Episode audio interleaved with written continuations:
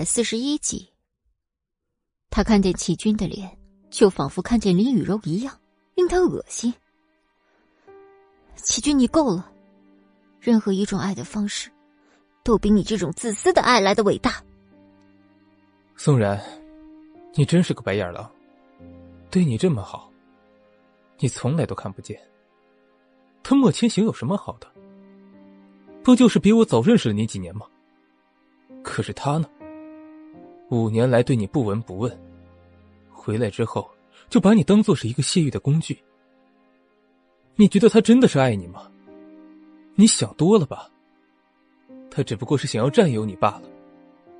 你闭嘴！千行他不是这样的人。怎么不是？男人不都是这样吗？你怎么不想想，你跟他在一起有多少次是精神对话？又有多少次是肉体对话？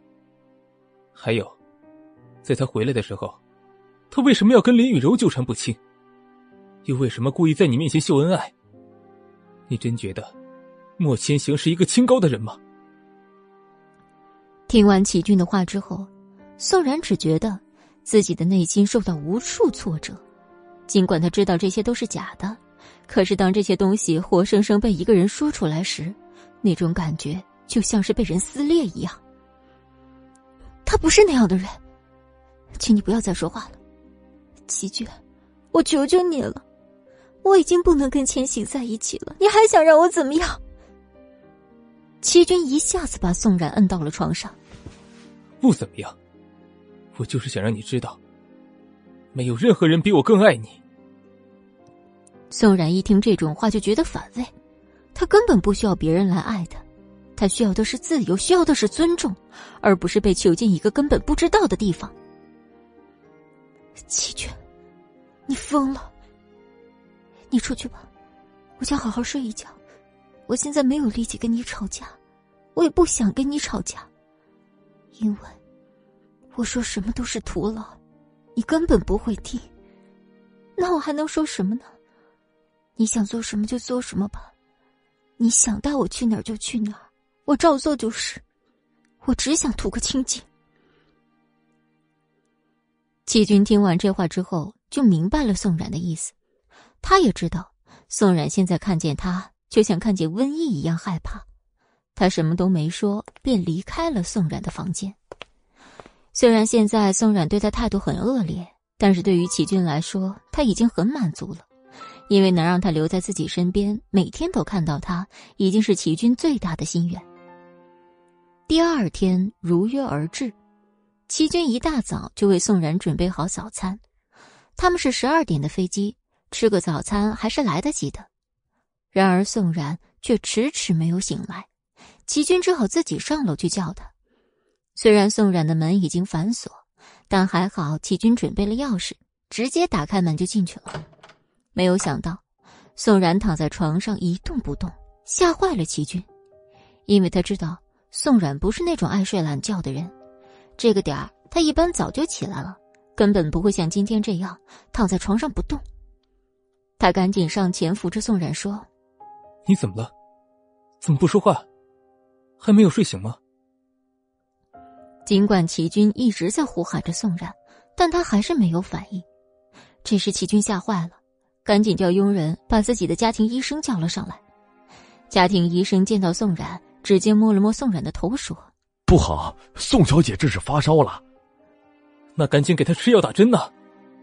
王医生赶紧从楼下拿出自己的医药箱，给宋冉吃了一颗药，又给她拿了一袋液体。打针的话恐怕不管用，得输液看看，因为宋小姐现在发烧已经到了神志不清的程度了。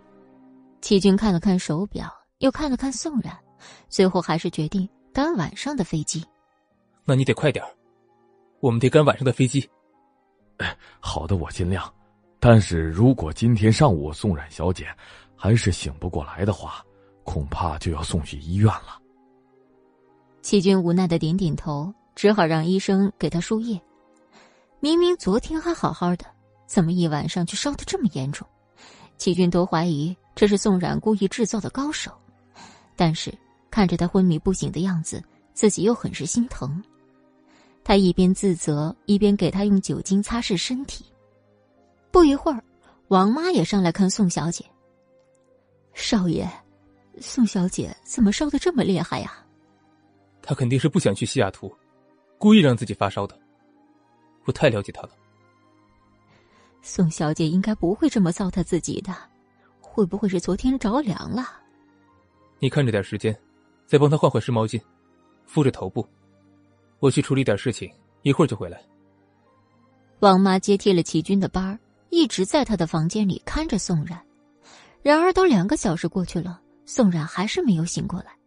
王妈彻底着急了，她赶紧给齐军打电话：“少爷，还是把宋小姐送进医院吧，现在都没醒来，我担心她出事儿啊。”齐军最害怕的就是这件事儿，他早已联系好了飞机，今天晚上飞。如果现在又改变时间的话，对于齐军来说，他的耐心已经是底线了。没有关系，发烧的话。吃点药就好了，而且我已经让医生给他输过液了。今天晚上的飞机该走走，大不了我在飞机上给他拿个液体。齐军的话直接让王妈不敢说话了，她才知道，原来少爷这么想让宋冉离开这个城市。没办法，王妈心疼宋冉，只好一遍又一遍的在他头上敷着毛巾，用酒精擦拭他的身体。希望自己的方法能让浑身发烫的宋冉少受点罪。时间一点一点过去，宋冉在药物的作用下渐渐恢复了意识，而他睁开眼看到的第一个人，就是曾经让他无比亲切的王妈。二百四十二集，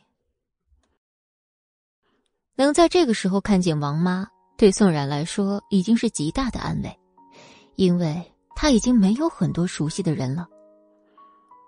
王妈，你怎么在这儿？我这是怎么了？浑身都没力气，只想睡觉。方妈很是心疼的摸了摸宋冉的头。你发烧了，再好好睡一觉吧，这有我看着呢。宋冉跟王妈说了两句之后，又昏睡过去。然而，他的烧。一点都没有退下，王妈又一遍一遍的为宋冉擦着身体，那液体也一点一滴的流进了宋冉的身体里。可是不知为何，他浑身还是滚烫。等到齐军回来时，已经下午五点，他们的飞机晚上八点起飞，此时不得不带着宋冉去机场。齐军看着宋冉还躺在床上，没有一点要苏醒的意识，便着急了。这该怎么办？算了，我还是联系我的私人飞机吧。说罢，齐军就让自己的私人飞机从外地直接飞回，只花了十分钟。而王妈也将宋冉抬到担架上，医生也陪同着说：“齐先生真的要冒这个险吗？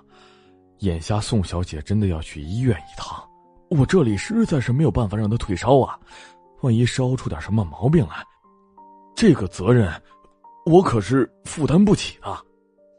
齐军知道医生是什么意思，但是他现在一分钟都不想让宋冉看到莫千行，也一分钟都不想让宋冉留在这个城市，立马对医生说：“责任我自己负，你只需要一直对他实施退烧方案就可以了。这么点小感冒的，死不了人。”就这样。齐军带着医生和王妈，还有浑身发烫的宋冉，坐上了自己的私人飞机，开始了他们新的征程。然而另一边，莫千行的手术成功进行，医生说会有三天的观察期，这三天之内，如果莫千行能够醒来，就说明他是真的治愈了；但如果这三天没有醒来，那就得看他自身的造化。听到这消息时，司慕恨不得将拳头砸进林雨柔的嘴里。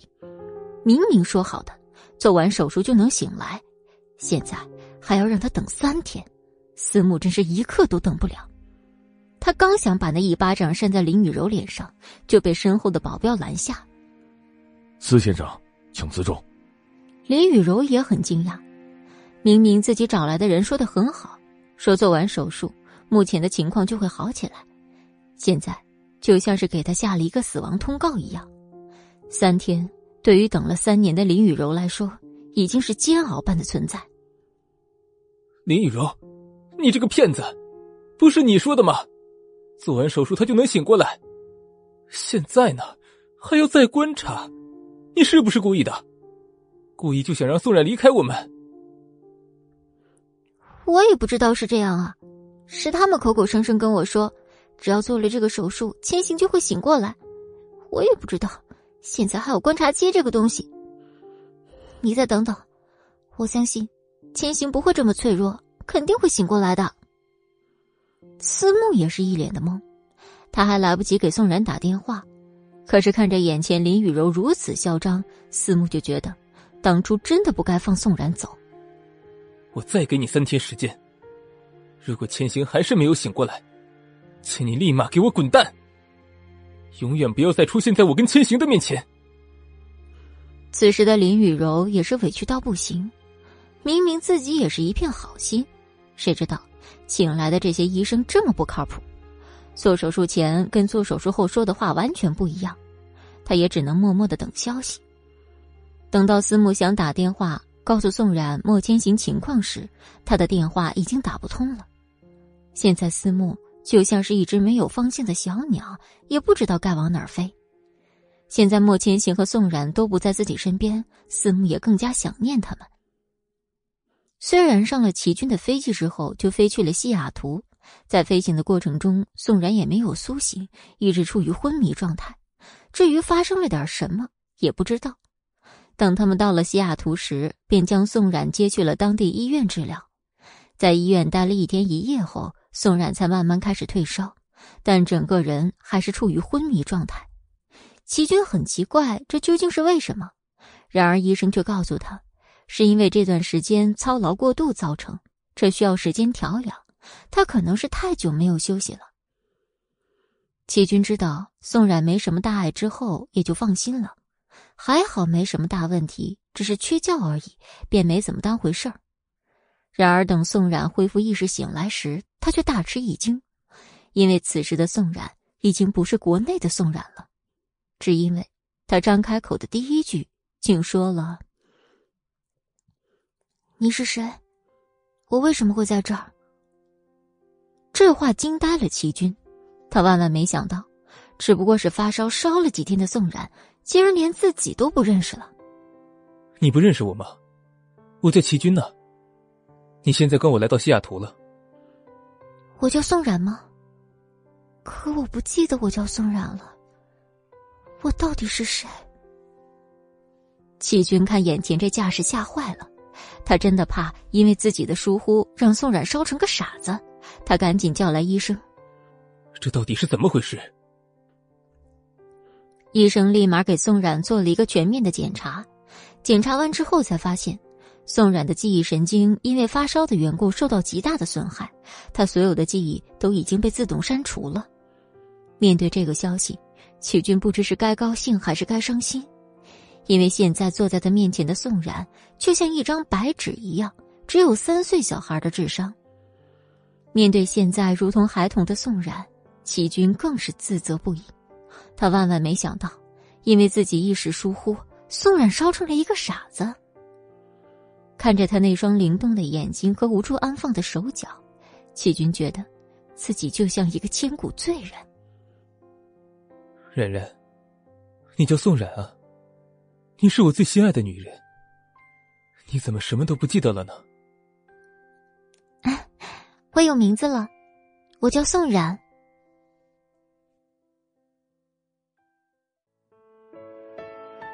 三集。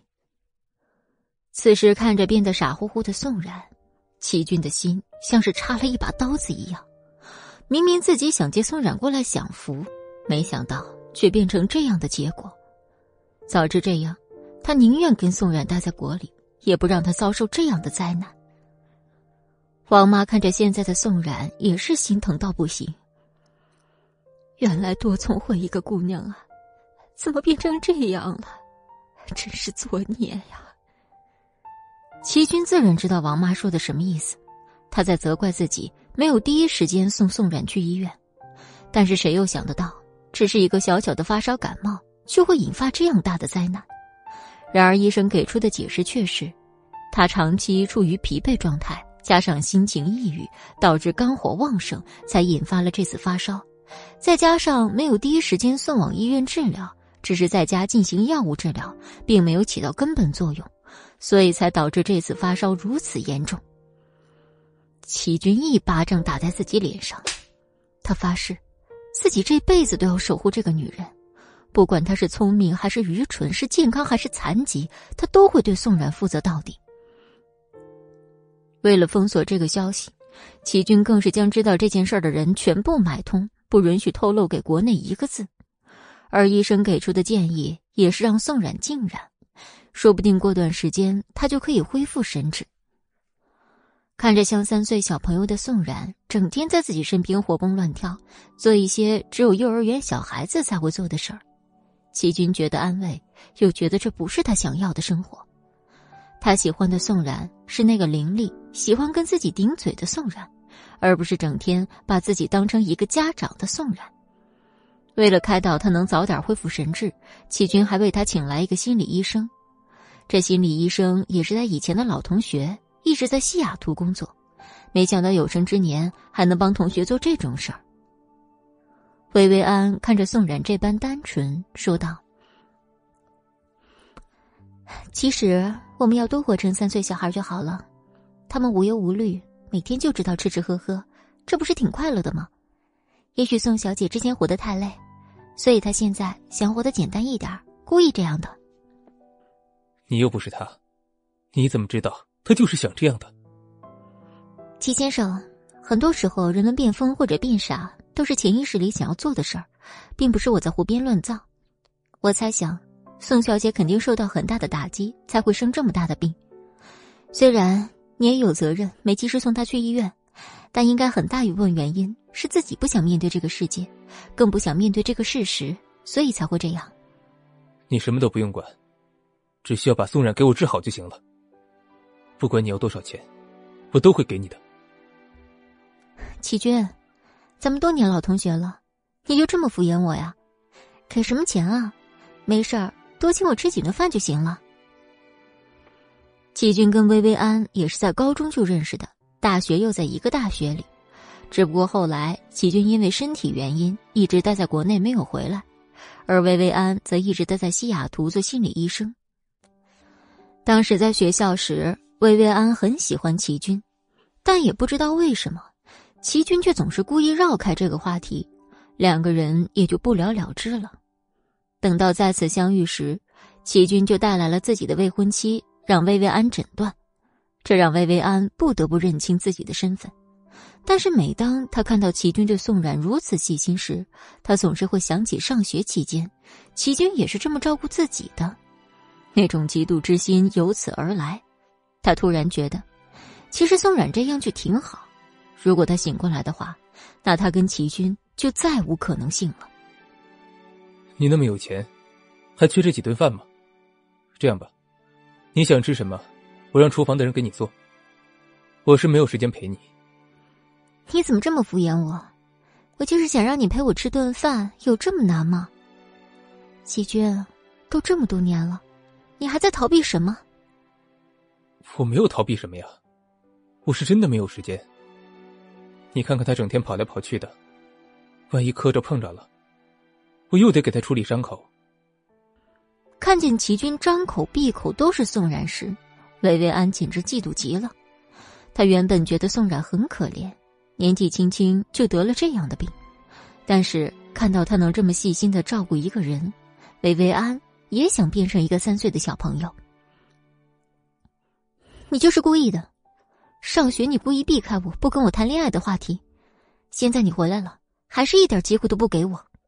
你到底怎么想的？难道你要一辈子陪着这个三岁的小朋友不成？听到这儿时，齐军确实犹豫了。他不得不承认，在上学期间，他确实喜欢过薇薇安。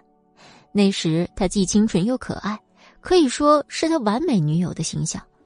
但是他的身体也很诚实，也因为这个原因，他没有办法自信的喜欢薇薇安，也不想耽误她。直到后来才发现。自己的这种自卑，其实带给别人很大的负担。直到遇到困难时，他才有那种奋不顾身想要保护他的冲动，也为了宋冉努力去强身健体，让自己更加强壮，有能力保护他。但是在薇薇安身上，他没有这种动力，这也是为什么他一直没有跟薇薇安坦白的原因。我有宋冉就够了，其他的已经别无他求。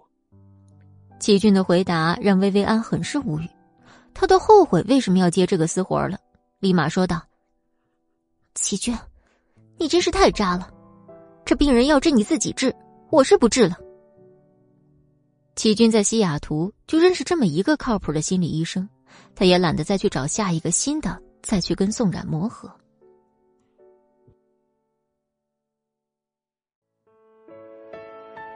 四十四集。很奇怪的是，宋冉好像很喜欢这个心理医生，每次下来一来，他就特别开心。眼下，这要是薇薇安走了，宋冉很多事儿，齐军又不知该如何是好。眼下还不是换医生的最好时机。薇薇安，你别说气话好吗？不就是陪你吃顿饭吗？我陪还不行吗？只要你好好的待在冉冉身边，把她的病治好。不管你提什么要求，我都答应你。齐军为了哄薇薇安，只好出此下策，就算让他上刀山下火海，也在所不惜。听完齐军的回答以后，薇薇安才稍微有了点笑脸。你早这样说不就行了？我又不是那种小气的人。宋冉都病成这个样子了，我肯定会努力治好他。但你却连饭都不肯给我吃，我真的一点想要给你服务的心都没有了。齐军最难弄懂的就是女人的心思，特别是薇薇安这种深藏不露的人，更是琢磨不透。宋冉就已经让他够为难了，又加上一个薇薇安。国内，今天已经是莫千行危险期的第三天，他还是没有任何动静。思慕的心都要爆炸了，他恨不得将林雨柔掰成八瓣但是为了等到最后一刻，他还是忍着自己的脾气。每当林雨柔路过思慕时，都会表现出一副小心翼翼的表情，生怕他下一秒就会将自己绊倒或者打倒在地。毕竟是自己食言，多少还是有些脸上挂不住。有好几次，他还故意去思慕那儿求饶：“你不要生气啊，这手术肯定是会有意外的嘛。也许是千行运气不好，明明可以醒过来，他却还需要再多观察几天。”所以我们也别着急，这办法不行，我们就换下一个。我已经让我父亲去找医生了，肯定会有更好的医生的。你能别来烦我吗？说到这时，林雨柔只好屁颠屁颠再回去。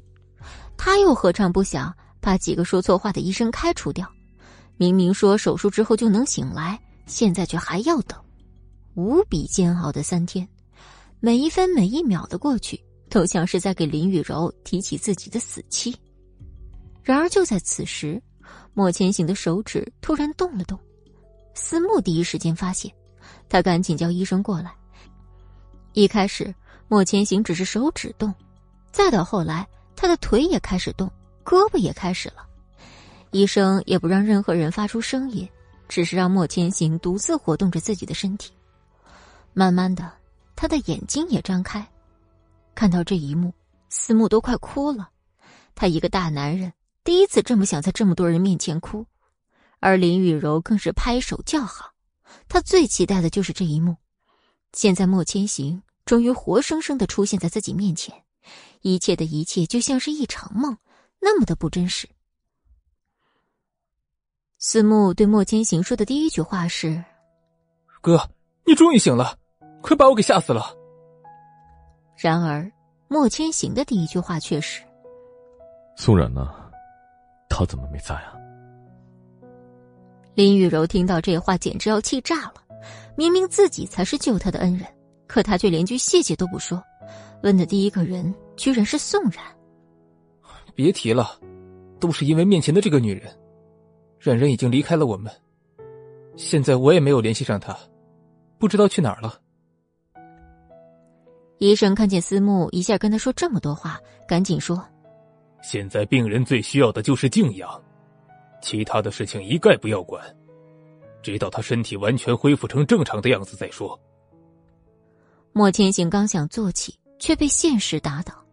因为已经在床上躺了太长时间，他的身体技能还没完全恢复，现在还不能坐起，只能躺在床上。除了说话以外，莫千行不能干任何事，这对他来说无非跟死没什么区别。他立马大喊：“我究竟怎么了？为什么一觉醒来在这里躺着，动也动不了？宋然又不见了。”看莫千行情绪如此激动，司慕刚想解释点什么。却又被医生打了一钉镇静。几秒钟后，莫千行又睡下。医生叮嘱道：“现在还是非常时期，他不能经受任何刺激，所以，任何能够让他兴奋的事情都不能说。最好就是静养。我们每天都会找人来给他按摩，但是具体什么时候他能够站起来，能坐能躺，这个……”都是需要时间的，因为他的肌肉已经太长时间没有活动过了，必须需要慢慢的一点点的去恢复。司慕立马点头。医生，你说什么我们都会去照做。听到没有？不要再提宋然了，一提宋然，莫千行就会不知所措。你还想让他再次昏迷吗？就你有理，你别忘了。现在千行已经醒过来了，他会接受你吗？烦人精！李雨柔刚想怼回去，就被医生打断了，说：“你们还有没有一点家属的样子？现在病人需要静养，医院是公共场合，请注意你们的言行。”说罢，医生便气呼呼的走了，只留下几个护工帮忙照看着莫千行。而林雨柔也因莫千行终于醒来。彻底松了一口气，他也没再搭理思慕，而是回家美美的洗了一个澡，准备好好打扮打扮，再来见莫千行。而思慕更是不停的拨打宋冉的电话，可依旧没有打通。按理说，宋冉不应该这样，因为他早就告诉过宋冉，在莫千行醒过来之前不要断联系。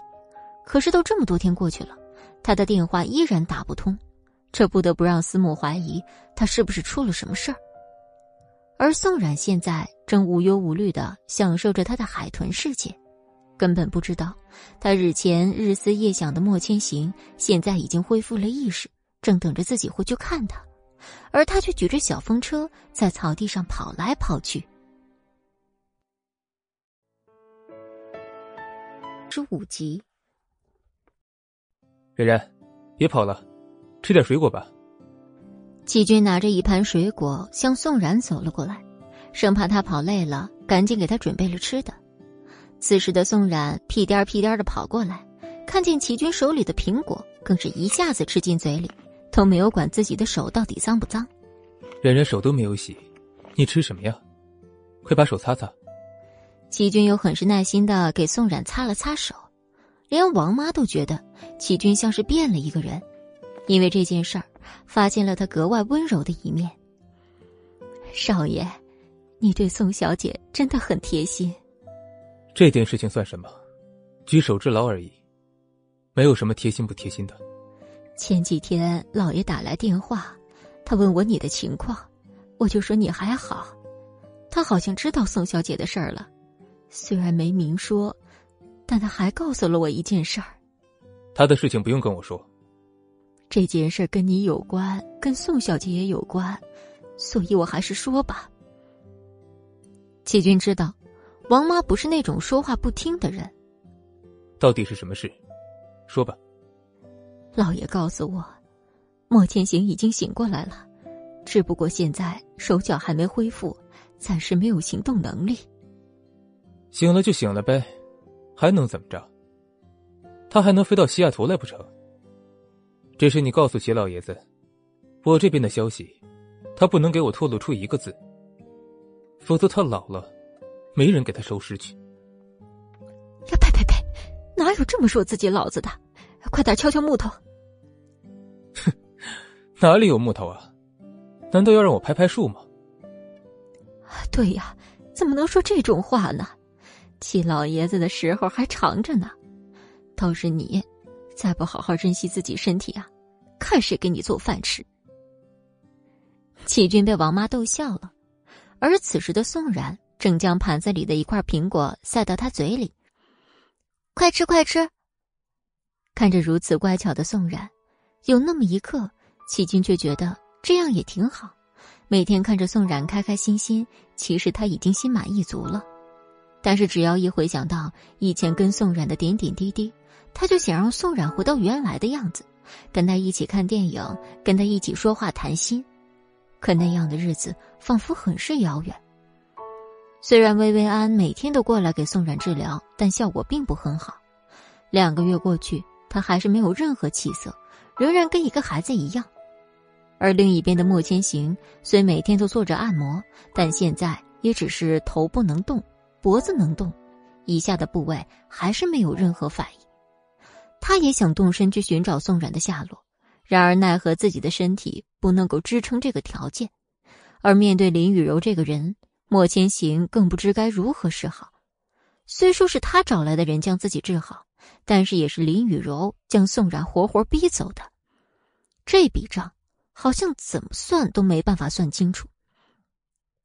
每当林雨柔来找莫千行时，他就以睡觉为由将他赶出去。就算吃了那么多次的闭门羹，林雨柔每次还是打扮的漂漂亮亮，给他送吃的送喝的，一点都不嫌弃此时的莫千行是个半身不遂的人。就连思慕都觉得，林雨柔真的是爱莫千行，已经爱到了骨子里。他见过很多富家女，但她们大多都拜金，可像林雨柔这样。就算莫千行在床上动弹不得，还是对他不离不弃，想尽办法想跟他在一起的女人，也就林雨柔一个了吧。而且每次当林雨柔被莫千行关在门外，思慕总要嘲笑几句：“都跟你说别来了吧，你还来？看，又被赶出来了吧？用你管？我想什么时候来就什么时候来，你少在这说风凉话。你呀，就别费功夫了。”千行现在根本就不想搭理你。你说说，你花那么多心思，还不如去找一个真心爱你的，这又是何必呢？我想跟谁在一起就跟谁在一起，用不着你在这提醒我。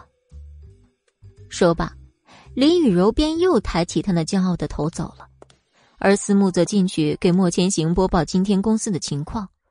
然而每次播报结束时，莫千行总会问一句：“宋然有下落了吗？”而思慕只能无奈的摇摇头，没有。都已经两个月过去了，他能跑到哪里去啊？况且他身上的信用卡一点记录都没有，他是怎么生活下来的？你之前有没有给过他钱什么的？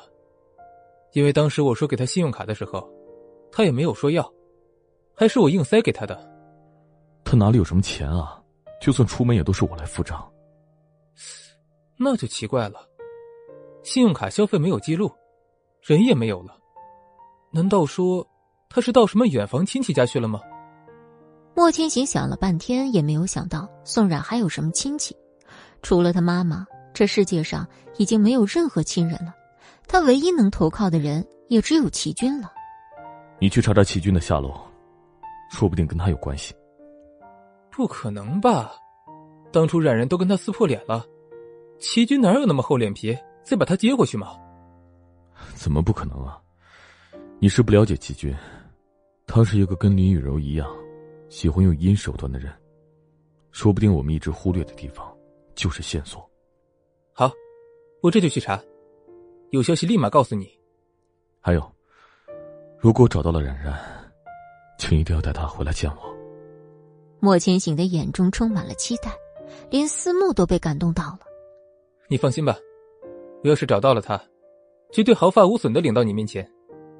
然而，在说完这话时，莫千行又停顿了一下。别，别让他看到我这个样子，告诉他我很好就行了。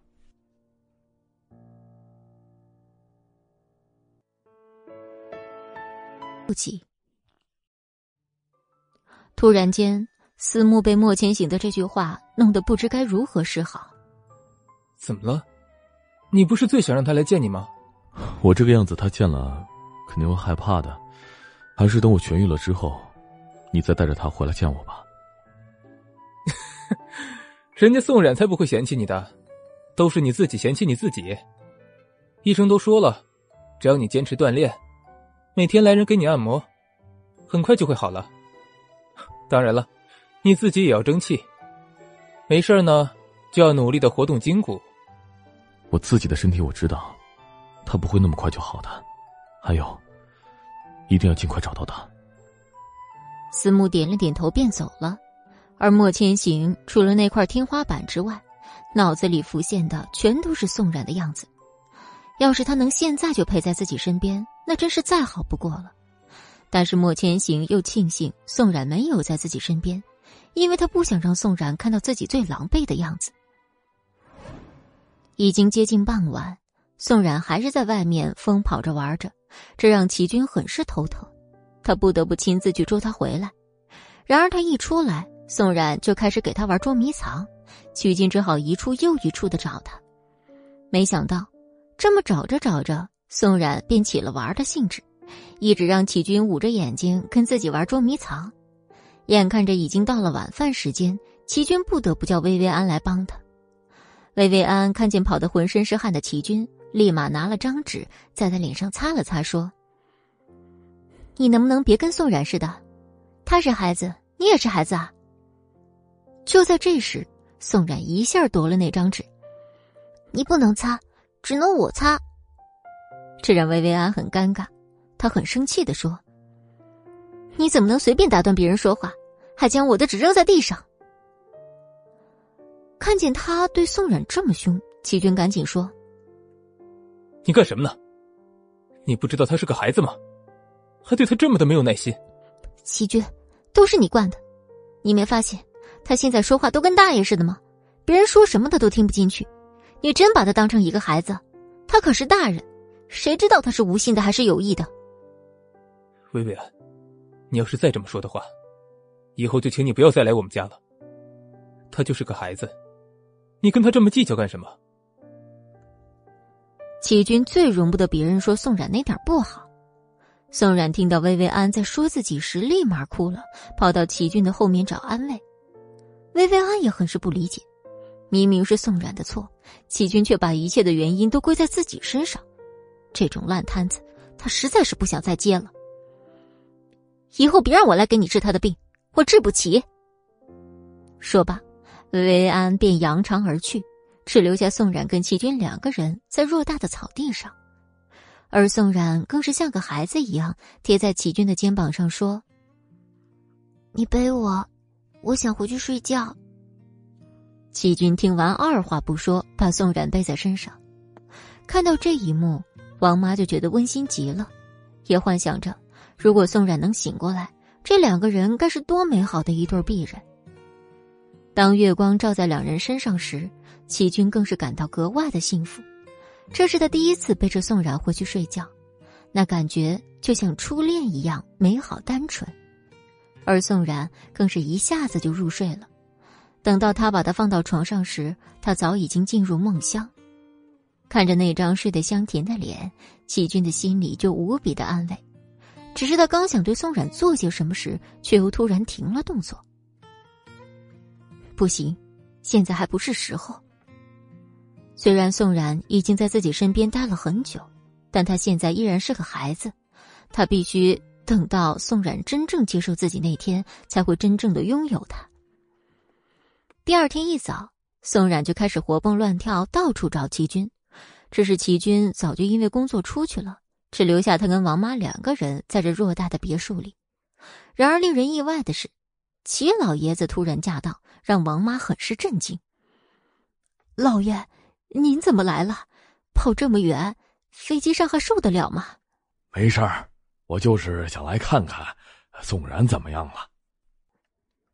宋冉一见生人便活蹦乱跳的跑过来，一下子抱住了齐老爷子，这让齐连松简直大跌眼镜。他虽知宋冉变傻，却没想到却是这般不成体统的样子。爷爷好。听到“爷爷”两个字，祁连松简直觉得自己又多了二十年寿命。他现在到底怎么回事啊？怎么叫我爷爷呢？宋小姐现在只有三岁孩子的智商，所以看到你觉得是爷爷。祁连松万万没想到，自己再一次见到宋然，居然是这样的画面。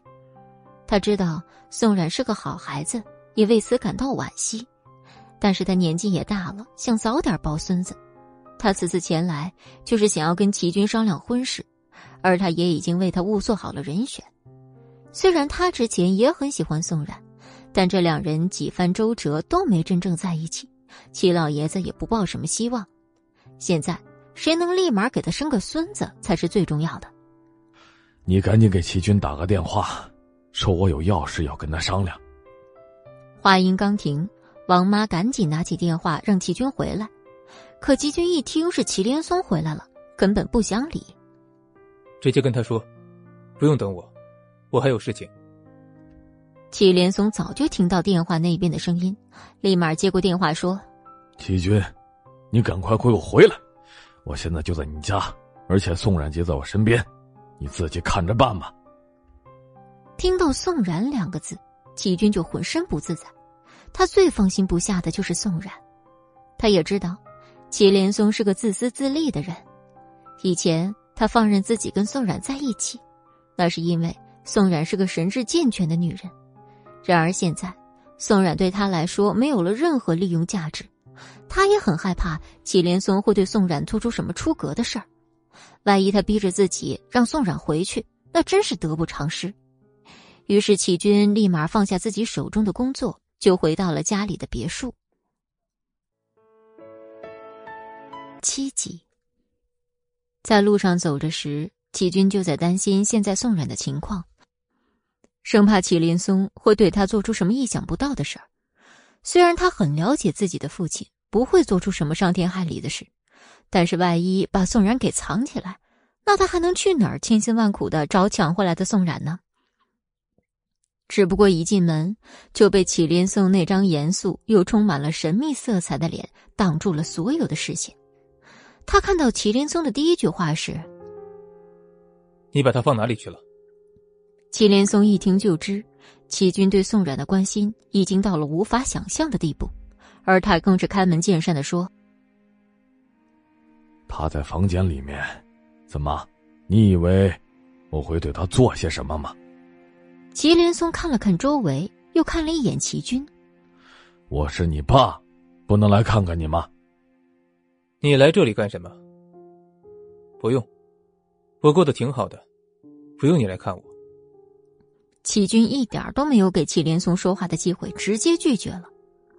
其实祁连松一直都知道齐军的脾气是什么，但现在已经不是任由他胡闹的时候了。眼看着齐军的身体越来越差，他不能看着自己的儿子为了一个女人而毁掉自己一生的幸福。你是过得挺好的，一个好生生的家，生生被你改造成了幼儿园，而你呢？没日没夜的熬夜喝酒，到现在身体大不如前，这就是你说的挺好的。齐军听完这话以后，觉得惊奇，他从来没有让任何人告诉过祁连松自己的身体状况，这些消息他又是从哪些地方得来的？你怎么知道我每天的情况？是谁告诉你的？他最不想让自己家里的人告诉祁连松，因为这样的话他会很受限制。你别管我是从哪里知道的，反正现在的生活情况、身体状况，我比你都清楚。还有脸说我为什么要来看你？我再不来看你啊，你就要被自己活生生作死了。你到底想说什么？我没有时间跟你在这里废话，请你离开吧。我来自然是有正事跟你说，你也老大不小的人了。是时候该谈婚论嫁了。现在跟以前不一样了，如果你继续这么做下去，你的身体很有可能会被你自己消耗下去。所以必须趁现在赶紧结婚生子。祁连松根本不给齐军说话的机会，自己将意愿说清楚了。他知道先让齐军答应没那么容易。但无论想尽任何办法，他都要在齐军身体还可以的情况下给他留下一个后代，也不枉费他母亲的一片苦心。只是，齐军连思考都没有，直接拒绝道：“想让我结婚那是不可能的，除非对方是宋冉，不然，我谁也不想娶。哪有你想娶谁就能娶谁的道理呀？一直以来，我们都是商业联姻。之前是因为你身体不好，我才一直纵容着你。现在已经不是你可以胡作非为的时候了。你想跟谁恋爱都可以，但是结婚，必须是我们指定的人。祁连松对着齐军一通大骂，他知道自己必须这么做，才能让齐军彻底明白自己已经不是可以随意掌控婚姻的人了。可是这些话对齐军来说根本一点作用都没有，他的心早已经被宋冉占满了。尽管他现在是一个三岁低能儿，但是在他心里。没有任何人能抵挡过宋冉在他心里的地位。这不可能，我还没有到让你给我操控婚姻的地步。况且，就算是你给我找了，我也不会听你的。你就别白费功夫了。齐军直接拒绝祁连松，不给他一点面子，就连王妈看着都觉得这场面有点惊悚。虽然以前祁连松跟齐军总是吵架。但从来没有像今天这样吵得如此之凶。少爷，别这样跟你父亲说话，他好歹是个老人，说什么也都是为你着想。现在宋小姐确实没法为你生儿育女，而且你也不能一直这么拖下去啊。王妈的话，季军还是能听进去几分的，但是碰触到原则的事儿，他也绝不会姑息。王妈。这件事情不用你管，你快去看看宋冉，别让他出什么事。此时，客厅里除了佣人，就只剩下齐军跟齐连松两个人。王妈乖乖听话去照顾宋冉，虽然两个人离着只有一张桌子的距离，但是心却像隔了太平洋一样，始终无法像正常父子那样交流。祁连松无奈说道：“我知道，你还是看不起我。”还是觉得我当初伤害了你的母亲，但是我也在一直找证据，我也在一直用我的力量去弥补你们。你也知道，你妈妈最希望看到你成家的样子了，所以我不想让他留有遗憾。你不用拿我母亲来要挟我，你不配提她的名字。我知道我的母亲是最希望我快乐的，所以，她肯定不会强迫我做任何事情。不像你，总是以为我好的名义，来强迫我做一些我并不想做的事情。总有一天你会明白，我为你做的一切都是为了你好。我不需要知道，我只需要你不要再来打扰我的生活，也不要去给我安排什么结婚对象。我现在就过得挺好的。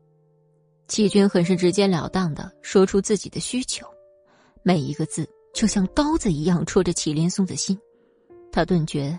自己今天白来了，对于这么一个执着的人，他一点办法都没有。难道你就想管这个傻子一辈子吗？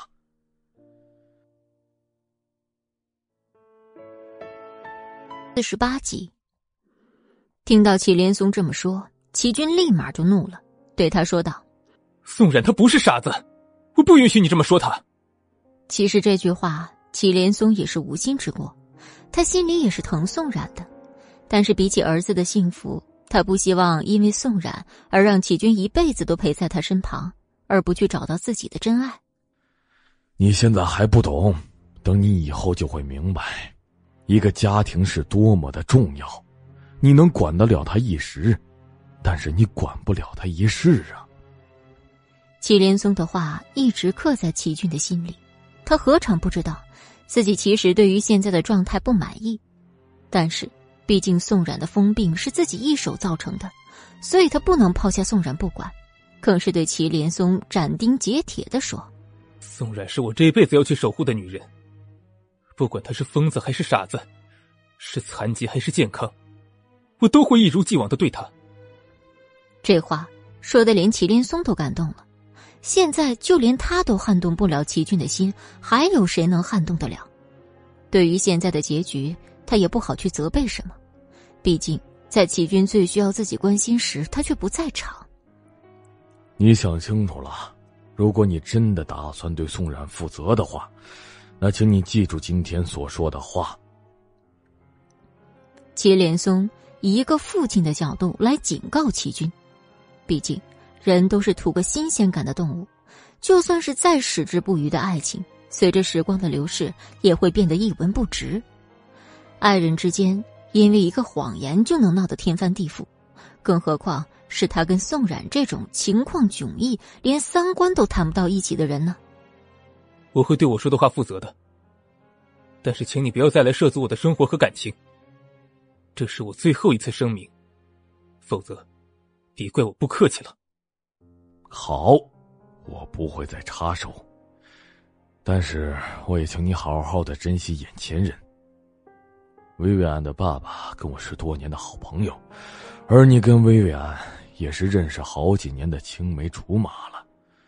他对你什么样，你应该清楚。我不是想要拆散你跟宋然，只是宋然未必需要你这样对他。祁连松的话仿佛警醒了齐军一样。对啊，其实他知道，如果是醒着的宋然，肯定不会让自己这样为他付出，这样为他牺牲自己所有的暧昧。但是他却心甘情愿为宋冉这样做，不为别的，只为自己那一片担心。就连在祁连松走后，齐军更是无时无刻不陪在宋冉身边，生怕他磕着碰着会又被谁带走。他的家里也已布下天罗地网，连只苍蝇都飞不进来，更何况是外人。西雅图的阳光照在他身上，只会让齐军觉得分外有安全感，不像在国内那样紧迫的感觉一直在心底压着，好像时时刻刻都担心宋冉会被别人抢走。国内还在医院静养的莫天行，没有一天不担心宋冉的安危。他始终相信，宋冉一定会在某个地方等着他醒来。他也知道，他不是那种轻易失联的人，肯定是遇到了什么棘手的事儿，才一点音信都没有。而思慕也疯狂在打探齐军的下落，但是这个人就好像是人间蒸发了一样，在国内根本没有他的一点消息。思慕查得很是头疼，他不得不动用所有的渠道来查看齐军近五年来所乘的航班。可奇怪的是，却一点消息都没有。也就是今天，他去看莫千行时，告诉了他这个消息。他也能想象到莫千行知道会有多失望，但没办法，现在如果不告诉莫千行的话，等以后他只会死得更惨。而莫千行看到思慕的第一反应是询问宋冉现在的下落，当他知道还是一点音讯都没有时，心都要碎了。他到底能去哪儿呢？怎么这么久了还是一点消息都没有啊？他会不会出什么事儿了？会不会被人绑架了？放心，他肯定不会出什么事的。也许他就是想一个人静一静，不想被谁打扰吧。你先什么都别想，等你的身体好些了，我再带你一块去找他。思慕，你一定不要松懈啊！你要知道，宋冉是我最后的希望。我不能没有他，你一定要帮我找到他。思慕看着莫千行那不能动弹的身体，就觉得很是惋惜。以前是一个多么矫健的人，现如今只能躺在病床上，什么都做不了。他快恨死那个造成车祸的人了，但是却查不到一点线索。你放心，宋然，我一定会替你找到的。你现在什么都不用去想，只需要把自己的身体养好，好吗？然而就在这时，林雨柔端着他炖了五个小时的鸡汤，端到莫千行的面前。千行，快看，这可是我炖了好久的汤，专门给你补身体用的，快趁热喝吧。莫千行也是佩服林雨柔的耐心，不管自己怎样对他冷言冷语，他还是每天带着自己做的心爱鸡汤过来嘘寒问暖，连他都烦了自己的骂人方式。没想到，这人却是一个受虐型的，竟乐此不疲。我不想喝，你拿走吧。我说了很多遍了，你不用做这些事情。你不让我做是你的事儿，我想做是我的事儿。这汤啊，你不喝也得喝，喝也得喝。说罢，林雨柔便将汤勺崴了一勺热腾腾的鸡汤，端到莫千行的嘴边。然而，就算是如此体贴的行为。还是被莫千行一把摔在地上。我说了，我不需要你这么做，你就不要再白费力气了，好吗？这一幕连四目都觉得很残忍，但谁让莫千行的心里只有宋冉一个人呢？千行，这个是我炖了好长时间的汤，你怎么说不喝就不喝，说洒就洒？林雨柔很是心疼的将地上的碎片捡起，然而她的手也因为那热腾腾的汤被烫得通红。可是这些莫千行根本看不到眼里，他巴不得眼前的女人早点离开他的视线，让他的心里清静一点。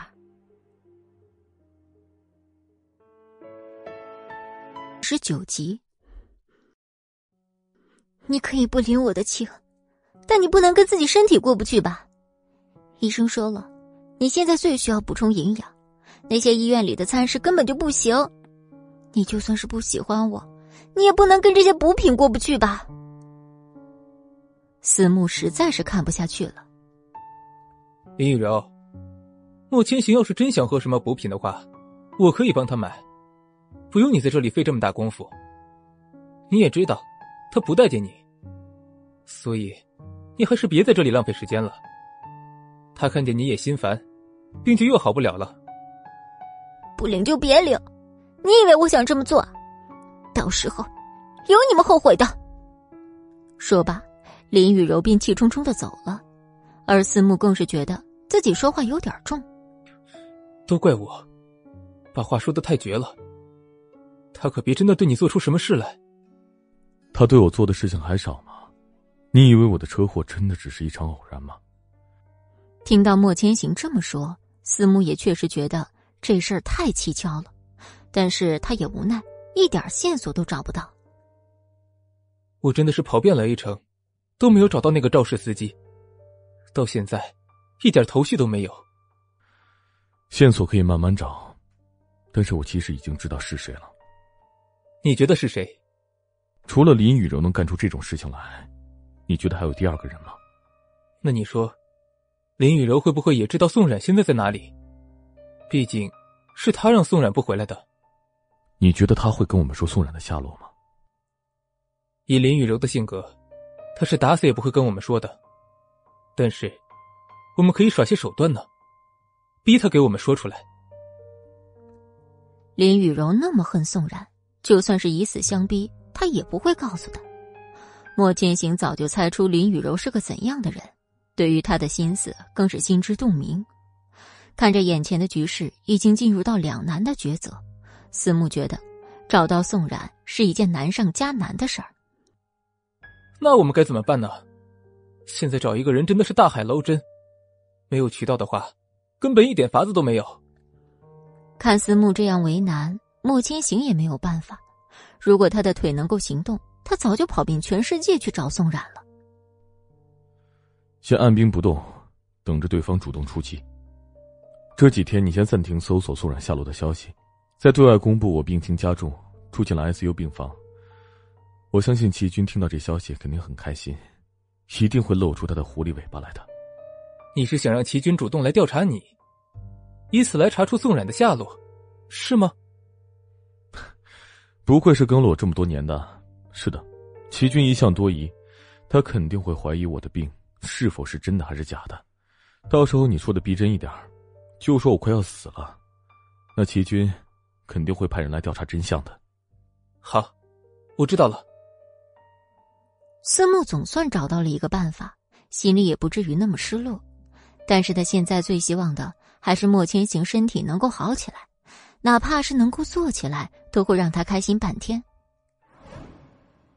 而另一边的宋然。已经好几天没有接受心理辅导，虽然说他什么都听不懂，但是不得不说，薇薇安的存在让他的性格和心智都提升了不少，至少不像以前那种熊孩子样了，还是稍微懂些礼貌。眼看着宋冉这个样子，王妈很是不忍。要不，再把薇薇安请回来吧，他这样天天跟我玩也不是个事儿啊，他得学东西。然而，齐军想到那天晚上自己把薇薇安骂走的情形，很是为难的说道：“再找一个心理医生吧。他根本就不喜欢宋冉，我害怕他对宋冉做出什么出格的事情。薇薇安虽说表面不喜欢宋冉，但是他做心理辅导真的很有一套。况且在这个异国，哪儿又能找到精通中文又会心理的人呢？王妈说的话，齐军又何尝不是不知道？找一个如此有耐心又是国人的心理医生，在外国实在太难。想来想去，为了宋冉的心智着想，齐军还是决定拉下脸去请薇薇安帮助宋冉。只是怎么哄让薇薇安开心，造成了一个世纪难题。他最讨厌哄女人开心，但是他知道，如果想让薇薇安回来继续给宋冉治病，就必须要把她哄开心才可以。然而在这时，他想到薇薇安最喜欢吃巧克力，也许这个可以帮上他一点忙。他立马提着几年前大学时期薇薇安最喜欢吃的巧克力去了他家里，这也是他第一次主动登门。一切都没变，薇薇安还是住在他家的老宅，离他家也不是特别远，只不过房子的建筑都已经很旧了，还保留着以前的风格，跟他以前去时一模一样。按门铃之前，齐军的心里更是忐忑到不行，他知道，自己这一摁，就意味着自己要低声下气去求别人，也意味着自己很可能以后在薇薇安面前抬不起头来。毕竟是自己将他赶走的，但天下没有更好的办法了。此时的薇薇安正在房内泡澡，听到门铃声，还以为是闺蜜来了，也没注意什么形象，裹着个浴巾就出来。没想到一开门竟是齐军，这是她万万没想到的事儿，因为除了她的闺蜜跟家人以外，没有人知道她家地址。看着皮肤白皙、裹着浴巾的薇薇安，齐军很不好意思的转过身。不好意思，我不知道你在洗澡。你不好意思的事还少吗？把我赶走，又来找我，你究竟什么意思？我就这么好欺负吗？就这么让你呼之即来，挥之即去？薇薇安傲娇的抬头说着，他最讨厌的就是齐军这一点，需要他时就好话说尽，不需要他时冷漠的像是一个从来不认识的人。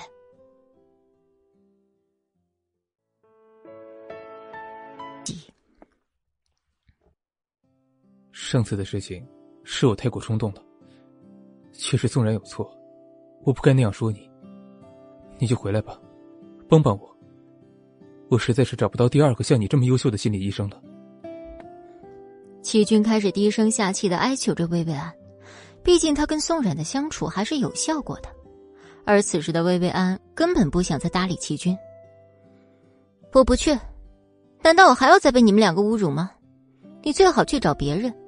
再找我的话，我说不定会给他下毒，会让他不得好死。不知为什么，这种恶毒的话从薇薇安嘴里说出，齐军根本就不信。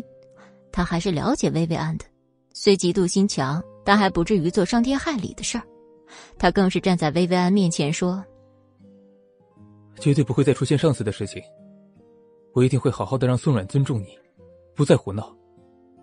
你也可以对我进行一些批评跟指责。”只要你能留下来，任我做什么都可以。哦，是吗？什么都可以？那你可以跟我谈恋爱吗？可以跟我结婚吗？可以为我的青春负责吗？薇薇安的话一下子让他哑口无言。齐军确实做不到这些。你能换个要求吗？除了这些，我都可以答应你。听到这儿，薇薇安心里的小火苗又燃了起来。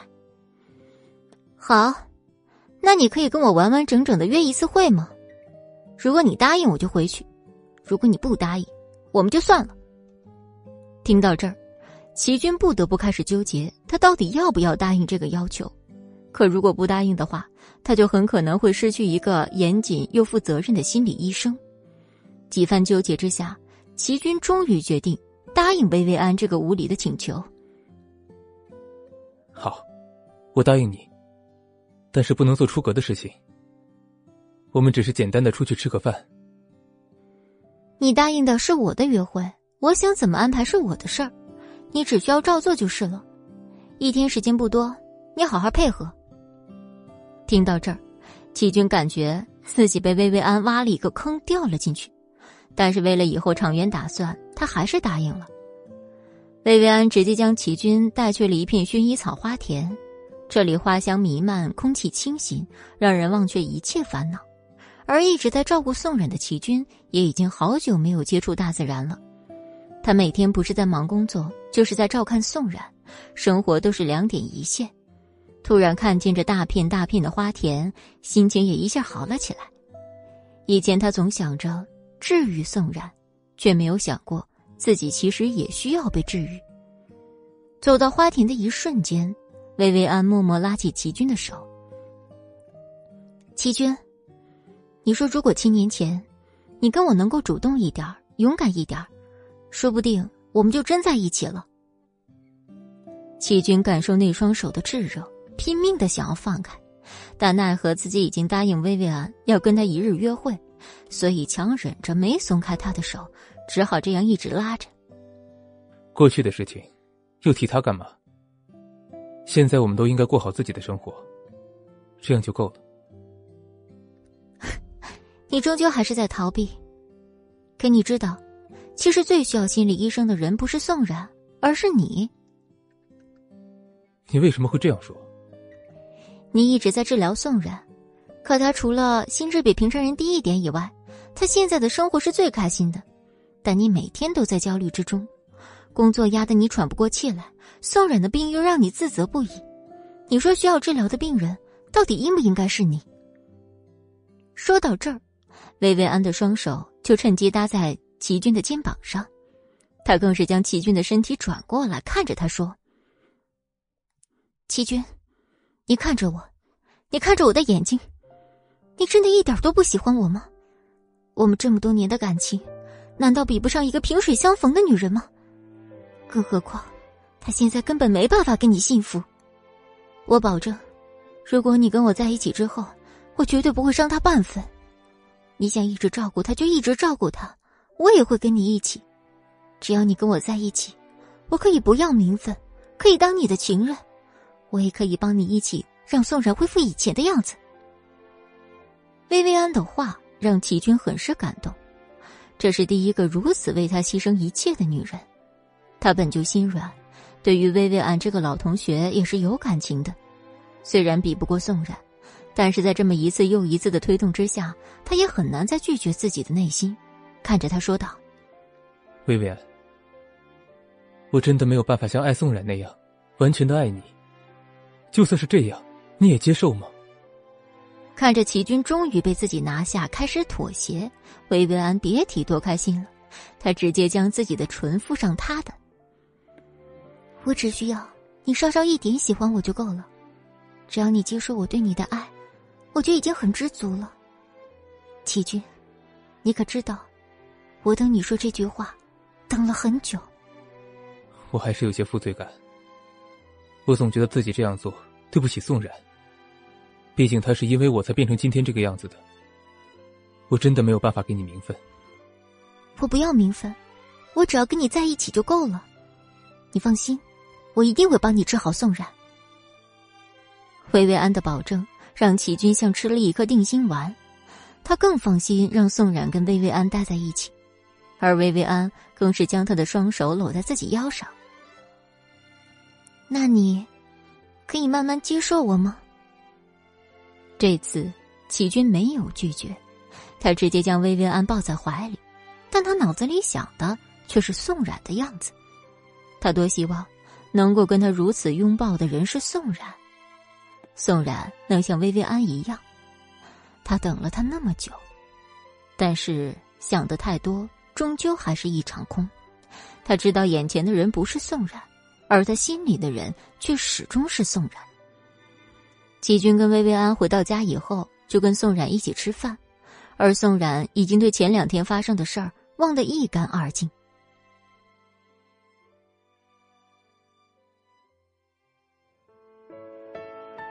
一起看到薇薇安来看自己，他更是开心的去牵手。你又来陪我玩了，我真是太开心了。这几天你都去哪儿了呀？薇薇安则像一个幼儿园老师一样跟他聊天，跟他分享这几天的所见所闻，而宋冉也因为多了一个可以说话的朋友而变得开心了许多。这也正是齐军想看到的样子。如果宋冉能跟薇薇安一样这样和谐相处下去，那是他最想看到的样子。薇薇安看着宋冉说：“你这几天都干嘛呢？”我一直在看动画片，在玩游戏。宋冉边拿手里的拼图边对薇薇安说，眼神里看不出一丝成人的样子。你不能一直看动画片，这样对眼睛不好，知道吗？哎，我知道。我每天就看半个小时，这就对了。我们拉勾勾。薇薇安立即牵起宋然的手，这一幕简直温馨极了。然后薇薇安又对齐军提出一个建议：其实，现在西雅图开了一家专门为他这种情况打造的疗养院，里面都是一些神智丧失的人去上课。或许我们应该把宋冉送进去学习一段时间，也许他的思维就开拓了。薇薇安没想到，这想法一提出就被齐军否定了。不行，宋冉不能离开我的视线。现在外面多乱啊！而且他现在有你就够了，不需要去接受什么其他的知识。可他这样下去根本没办法成长，你想让他一辈子都是个傻子吗？说到这儿，齐军的心好像突然咯噔了一下，他好像确实这么想过。如果宋冉能一直陪在他身边，那么他一直是个傻子也没有关系，总比宋冉变回以前的样子离开他来的要好。没有关系，我只要他健健康康、开开心心的就够了，其他的事情你不用管。薇薇安嘟嘟嘴说：“好吧。”然后又接着跟宋冉玩去了。虽然不知薇薇安究竟是真心还是假意。但是看到宋冉玩的很开心，他觉得把薇薇安请回来是对的，而王妈却忧心忡忡。这个薇薇安靠谱吗？我总是害怕她会对宋小姐做出什么出格的事儿，毕竟他俩可不是闺蜜，而是情敌。放心，薇薇安是跟我一起长大的，她虽然嫉妒心重，但是不会做出什么伤害她的事情。再说。平常不是有你吗？我还是放心的。咱们这里到处都是监控，如果他真的想对宋冉做些什么的话，我们也不怕查不到。你说是不是？宋小姐太可怜了，年纪轻轻得了这样的病。她好的时候待我不错，所以我也不想让她受一点委屈。你放心，我会看好宋小姐的。有什么情况，我随时给你汇报。放心吧，王妈，一切都会好起来的。但愿如此吧。只要薇薇安能够善待宋小姐，我也会把她当做自己主子一样去对待。倒是你，对薇薇安究竟什么态度啊？我刚才看你们两个手牵手回来，难道说你接受她了？她确实对我挺好的，我也不知道该怎么办了，王妈。其实我也很纠结，但是我看见薇薇安，为了我付出了那么多，我实在是不想辜负她。我知道我现在是个渣男，但是你也知道，我这段时间过得很颓废。我真的一点消遣的方式都没有，只有在薇薇安这里，我才能够稍微的找到自己的一点存在感。虽然我这么说，很像是在给自己找理由，但是我不得不说。我真的很需要一个人爱我。没事儿，人生在世，谁还不找点乐子？只要他能对宋然好，对你也好就行了。咱们把咱们该做的事做好就可以了。可是王妈，你有没有觉得，我这样做是在背叛宋冉呢？对于王妈来说，这就是一道送命题。但是她毕竟是看着齐军长大的。她也不希望齐军就这样一直耗在宋冉身上，一辈子都没有一个生命的延续。其实，人活在这世上根本没什么对错，背叛不背叛，只是有些事儿摆在我们面前，我们必须那样做罢了。宋小姐现在成这个样子，这不是你一个人的错，但是你也不能因此而放弃自己的幸福。只要你好好对宋小姐，跟薇薇安一起好好照顾她，那就是对她最大的回报了。我想宋小姐也不是那样吝啬的人，她不会在意这些的。听完王妈的话，齐军就仿佛茅塞顿开，他一直苦恼的问题也被几句话点醒了。也许现在他接受薇薇安是对两个女人来说最好的方式，但是他还没有办法完全爱上她。只能用时间让自己一点一点被感化，一点一点的从对宋冉的愧疚中慢慢脱离出来，这样他才能好好去喜欢一个人，去爱一个人。这段时间，薇薇安更是查了很多资料，他也希望宋冉能快点好起来，因为这种趁人之危的感觉让他太难受了。他不想这么胜之不武，他想跟宋冉来一场真正的 PK，同时。他也想看看宋冉真实的样子，因为能让齐军如此迷恋的人，他也很好奇。只是宋冉的心智像是被上锁了一样，无论他用什么药物都没办法打开。这对他来说，无非是一道难题，是一道怎么都解不开的题。但凡有一点办法，宋冉的病也不会拖到现在。这都让他开始怀疑，是不是宋冉故意不想从睡梦中醒来。但是。他依然还是在坚持不懈的找能治好宋冉病的方法，不管再难，他都会试一试，这样才能真正让他跟齐军敞开心扉，无拘无束的在一起。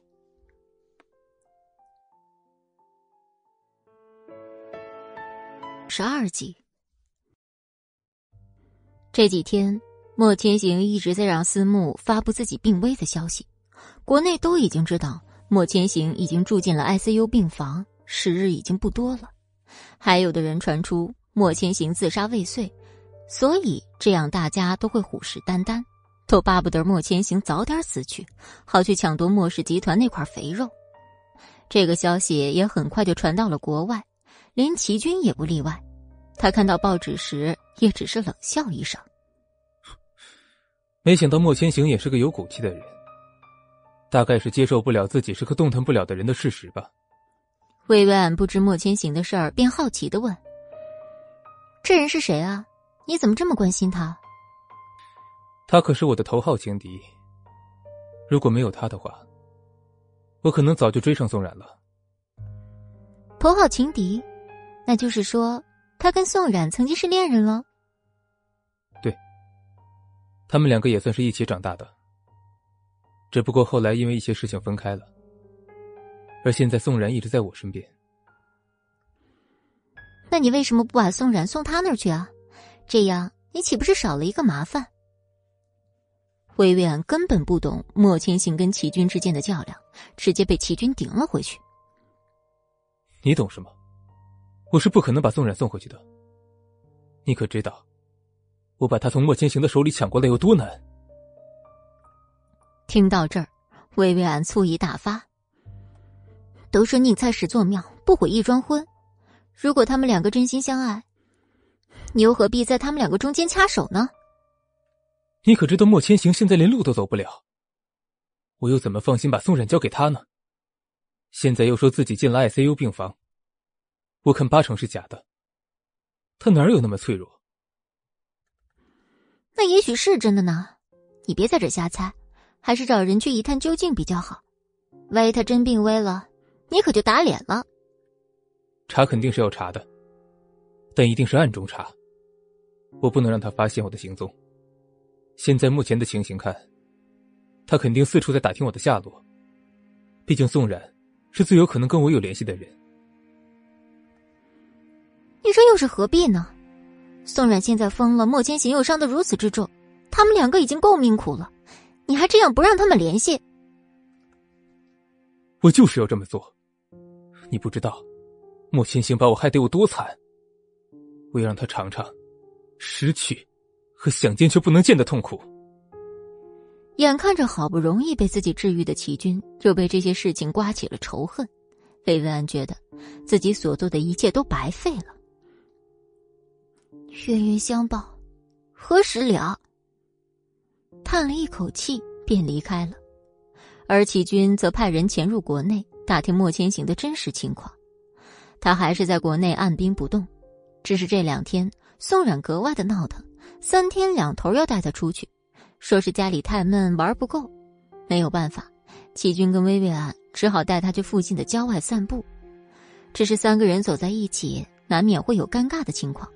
齐军不得不随时照看宋冉的情况，而薇薇安老是因为他不牵自己的手而跟他生气。你能不能不要老管他呀？不是有王妈在吗？我们就陪他散散步就可以了。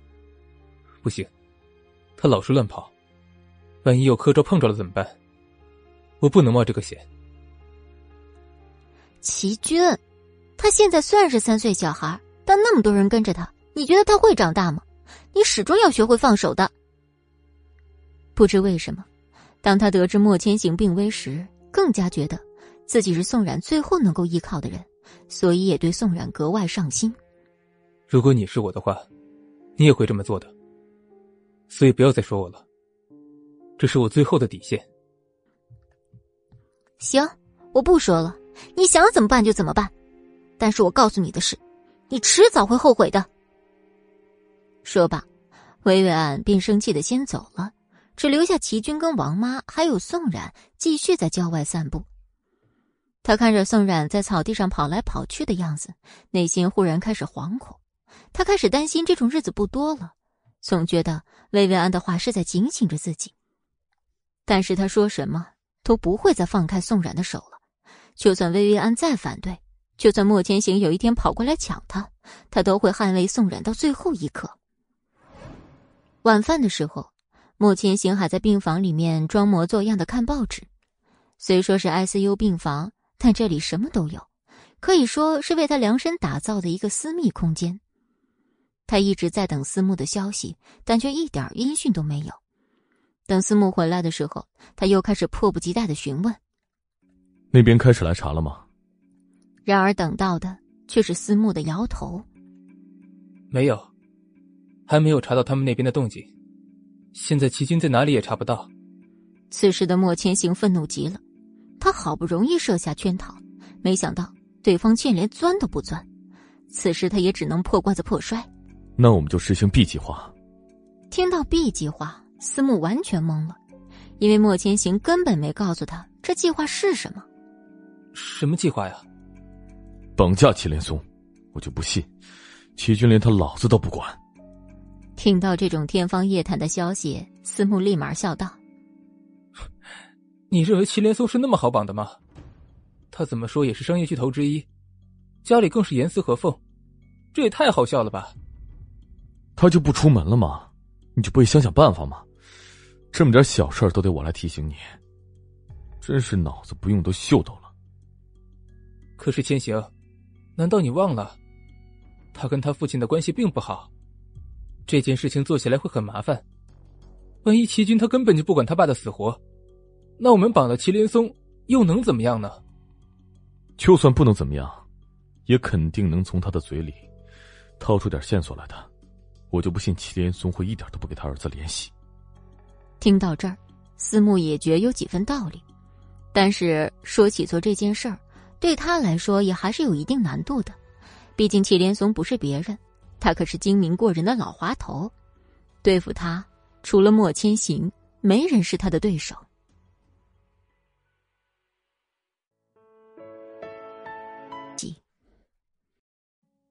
但思慕不得不承认，莫千行这个做法有点极端，甚至是在冒着生命危险。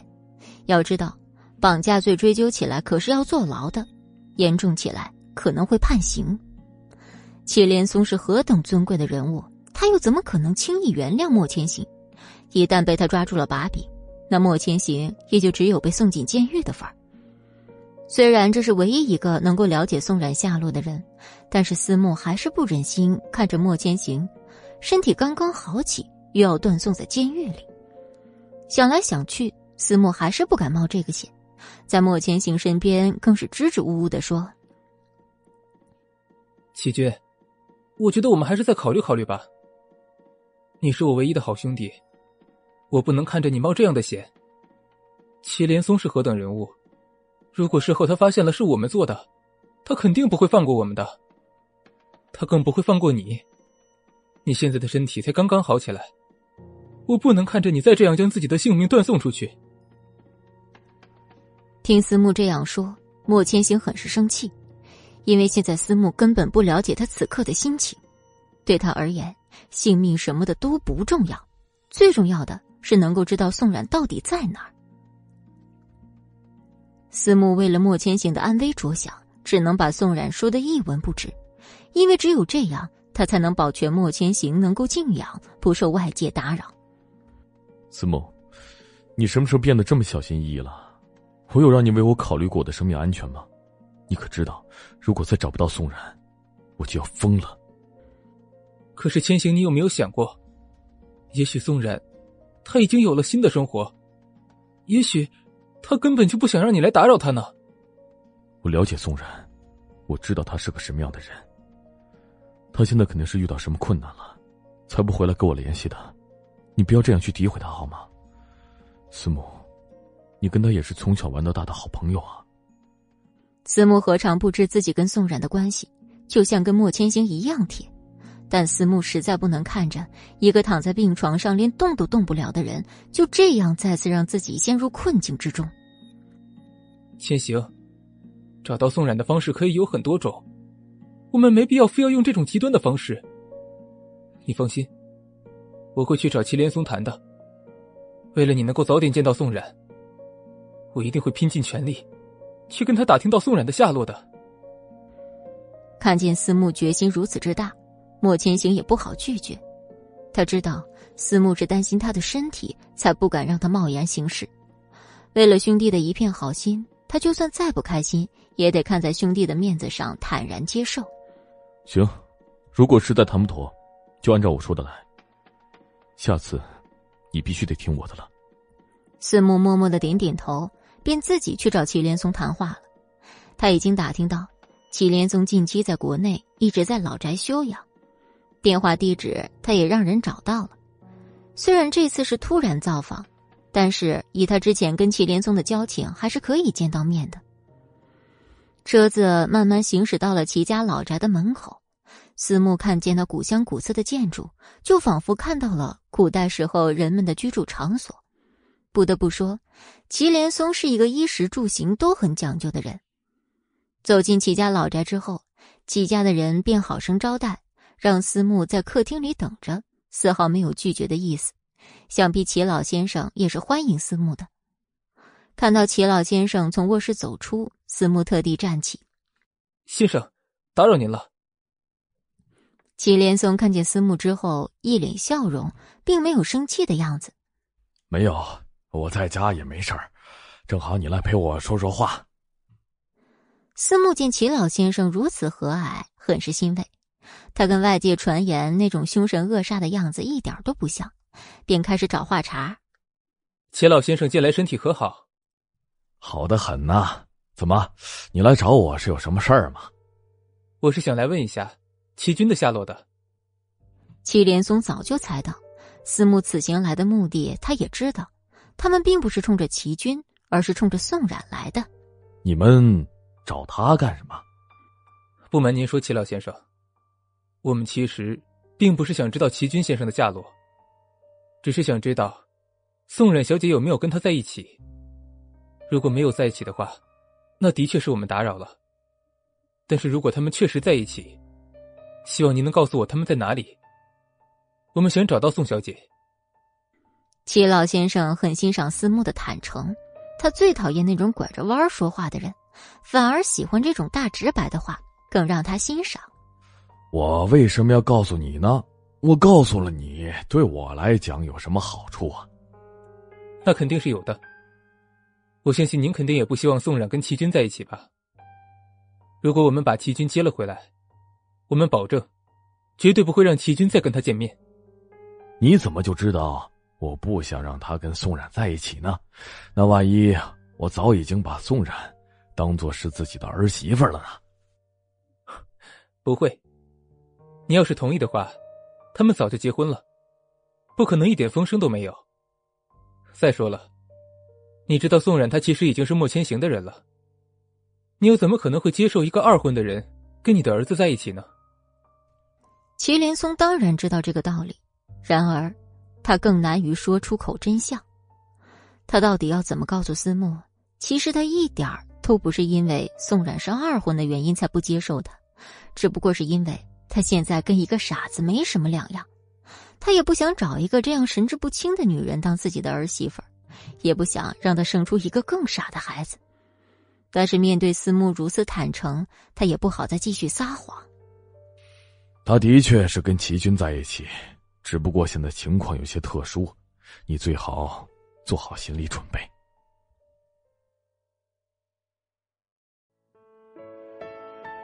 自己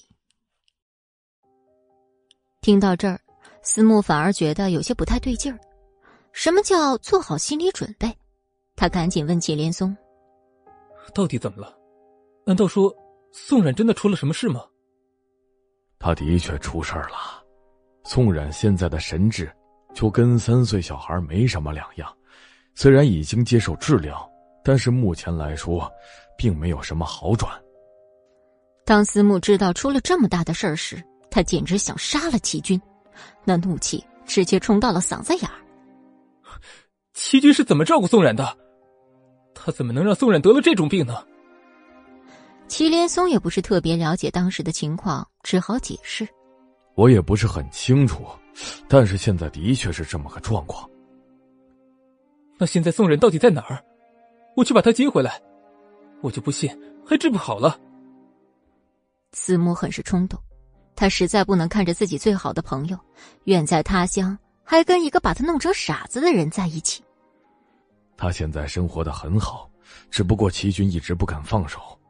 你再给他些时间吧，我也会好好劝他，肯定有机会能让宋冉回来的。祁连松只说了个大概，并没有告诉他宋冉的真实地址，因为他知道，如果强硬的把他从齐军身边抢走。齐军估计会受到刺激，影响他的心脏病，那就得不偿失了。齐老先生，我尊敬你，才没有把气撒到你身上。但是我想说的是，宋冉，她必须跟我们回去。你也知道，她是莫千行最疼爱的女人。现在千行卧床不起，宋冉是他唯一能够活下去的希望。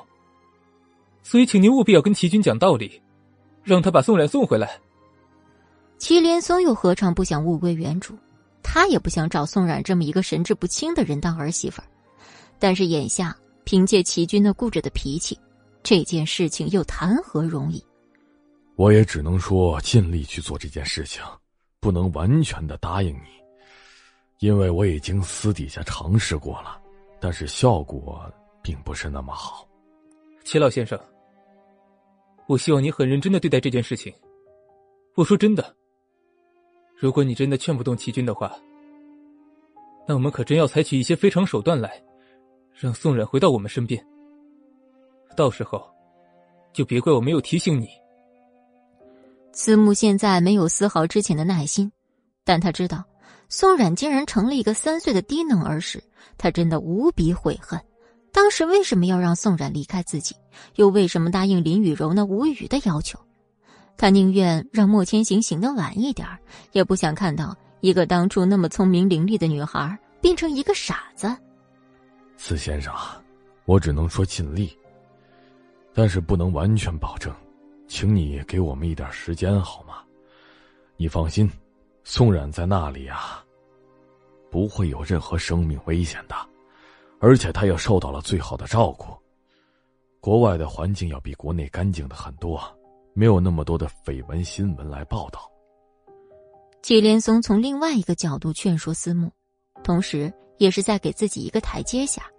他也需要时间来处理这件事儿，同时他也不希望齐军因为这件事受到影响。好，那就再给你一个星期的时间。一星期之后，如果还是没有任何起色的话，那我们就要采取自己的方式了。现在想查到一个人的下落很容易，只是得看这用的方法是什么了。祁连松当然知道思慕是那种心狠手辣的人，他跟莫千行那么久，方法手段也自然干净不到哪儿去。但凡能危及到齐军的事儿，他都不愿尝试。好，就一个星期时间，但是我也提醒你们，如果你们一旦伤害到齐军的性命，那我也绝对不会善罢甘休的。我能做的让步就到此为止，也希望你们能够看在我这个老人家的份上，多给我一些时间。司慕知道，祁连松不是那种撒谎的人，他很尊重这位商业巨头，点点头便走了。虽然今天到祁连松这儿并没得到什么关键信息，但是他至少知道宋冉现在生命是安全的，也算是一个好事儿。但他又该怎么告诉莫千行宋冉现在的精神状态呢？好不容易身体有了点起色，一旦告诉莫千行宋冉现在就是一个三岁的低能儿，他怕莫千行一时接受不了。想来想去，还是觉得现在告诉莫千行还不是时候。等到他找到宋冉之后，再告诉莫千行真实的情况，也还来得及。说不定那个时候，莫千行已经可以走路了。这一边，齐军依然担心宋冉的安危，而另一边，齐军跟薇薇安正热恋的不可开交。很显然，宋冉已经无法让齐军专心致志只爱他一个，每天千篇一律的话，以及毫无新鲜感的他。齐军已经失去了兴趣，而聪明伶俐、善解人意的薇薇安成了齐军发泄的方式。他看见薇薇安那伶俐的样子，就想起当年第一次见宋冉的情景。他是那样的勇敢无畏，而现在虽已成一个胆小懦弱的小孩，虽说齐军已经花了很长时间去接受这个事实，但每当他看到宋冉时，还是会隐隐作痛。如果。能代替他疯、代替他傻的人是自己，该多好！说不定他还能得到宋冉的一丝怜悯。此时的齐军正在阳台上喝茶，边喝茶边看着宋冉在自己身边玩的玩具。薇薇安这时也走了过来，对齐军说道：“外面这么晒，要不要进去坐会儿？”“不用了，我在这里晒晒太阳也挺好的。你呢？工作怎么样？”齐军询问着薇安的情况，就好像他们之间除宋冉之外唯一的话题了。我还行，就是天天来回跑比较麻烦。薇薇安也确实比较累一点他每天要去公司，还要跑来这儿照顾宋冉，晚上还要回自己家睡觉。相对于齐军来说，他要跑太多的地方，而齐军只需要在家守着宋冉就可以了。而且这几日。他也一直没停下手上的工作，还有两边都兼顾着，想想他都觉得自己太累了。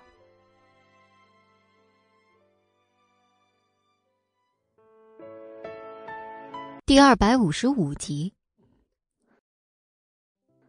齐军一听就知道薇薇安的意图是什么，他大概已经猜到薇薇安是在试探他，但是奈何那句话却怎么也说不出口。他也有想过让薇薇安住进家里来，但如果这么做的话，他也不敢保证薇薇安能真的像对待亲人一样跟宋冉和平相处。虽然他觉得薇薇安是个很不错的人，自己也很喜欢他，但是他也不敢去冒这个险，毕竟女人的嫉妒心是很强的。那要不，你以后就不用每天都来了，这样子你也能好好的休息，一个星期来给宋冉看一次病就好了。齐军硬憋出来个办法，虽然他知道薇薇安想让他说，但是为了宋冉安全起见，他还是决定先不说。薇薇安看到齐军如此迟疑，便已经想象到自己在他心里的位置有多卑微，竟然连住进齐家的权利都没有。他眼神犀利的看着齐军说：“你就不能心疼心疼我，让我直接住进你家吗？”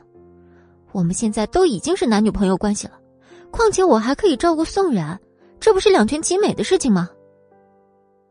说到这儿，齐军顿时无语了。他早就猜到薇薇安会这么强迫他，但是当话到嗓子眼时，他就是说不出来。那种哽咽的感觉让他几乎窒息。看齐军一直不说话，薇薇安的心只觉隐隐作痛。他最怕的就是齐军这种不吭声的状态，比齐军跟他吵架还要难受。你怎么不说话？难道你不知道我想听到你说什么吗？还是你觉得我们还没到那种住在一起的地步。看薇薇安如此着急，齐军也实在是不忍心。不是，我是觉得，你住在这里的话不太方便。毕竟有的时候，我可能要照顾宋冉睡觉，或者是洗澡。你在场的话，我怕你心里不舒服。听完齐军的话之后，薇薇安才知道，齐军对宋冉的照顾真的可以说是无微不至的地步，居然到可以帮忙洗澡了。他难以想象，这个男人到底有多爱眼前这个傻子。齐军，你家没有佣人吗？王妈不是一直照顾宋然起居吗？你不用每件事情都参与其中吧？更何况她是女生，你是男生，你们现在也不是男女朋友关系，你照顾她的话不会不方便吗？魏月安直接将自己的顾虑说了出来，他也没有考虑到齐军会怎么想。虽然他知道自己说的话有些露骨，但是这也是他身为现任女朋友必须该说的话。我跟宋冉之间的事情，还轮不到你来插手。你看得惯就看得惯，看不惯也没有关系。我就是这么照顾宋冉的。齐军根本不怕薇薇安对他的指责，因为他从始至终根本没把薇薇安当真正的女朋友，只不过是其中感情的一段消遣罢了。听完齐军说的话，薇薇安就像掉进十八层地狱一样难受。他多希望齐军能够说一些好听的，哪怕骗骗他也好。谁知道，等来的却是这种伤人心的话。你到底把我当什么？你又把宋冉当什么？难道我不过是你一个泄欲工具吗？对齐军来说，魏婉的确是一个泄欲工具，但是也是他这段时间的一个情感寄托。通过跟薇薇安的相处，他内心也在慢慢的散发，心情也慢慢开始舒朗。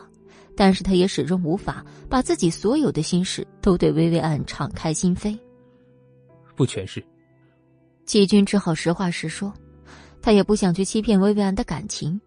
虽然薇薇安是一个很好的结婚对象，也把他跟宋冉照顾的很好，但喜欢是一回事儿，爱又是另外一回事儿。他没有办法把喜欢混淆成爱，也没有办法真正把薇薇安当成自己的女人。什么叫做不全是？难道说一半一半吗？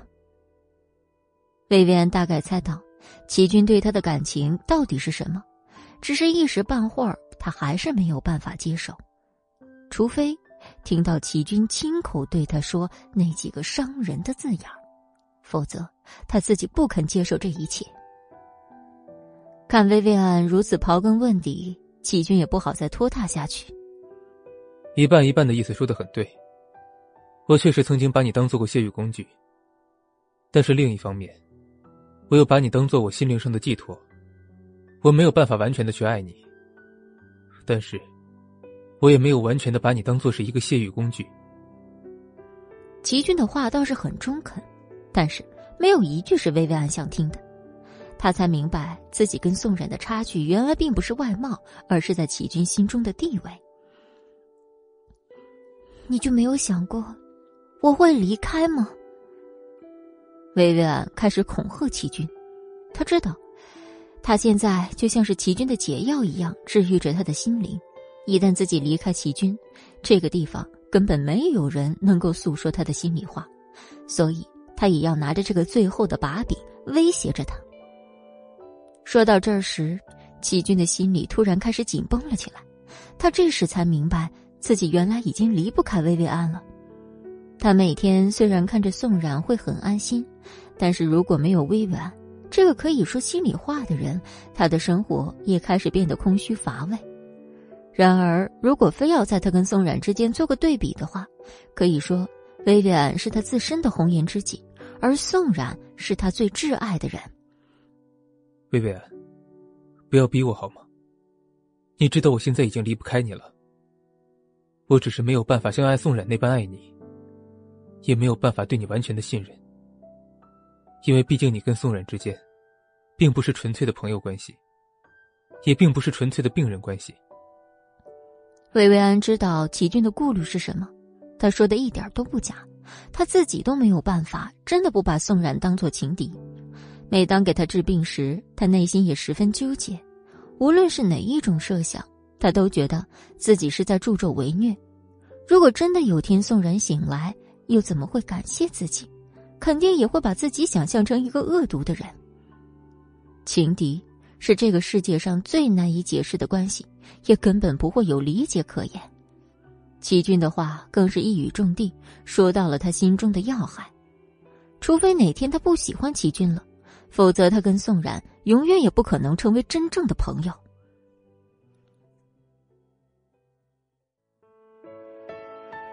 五十六集。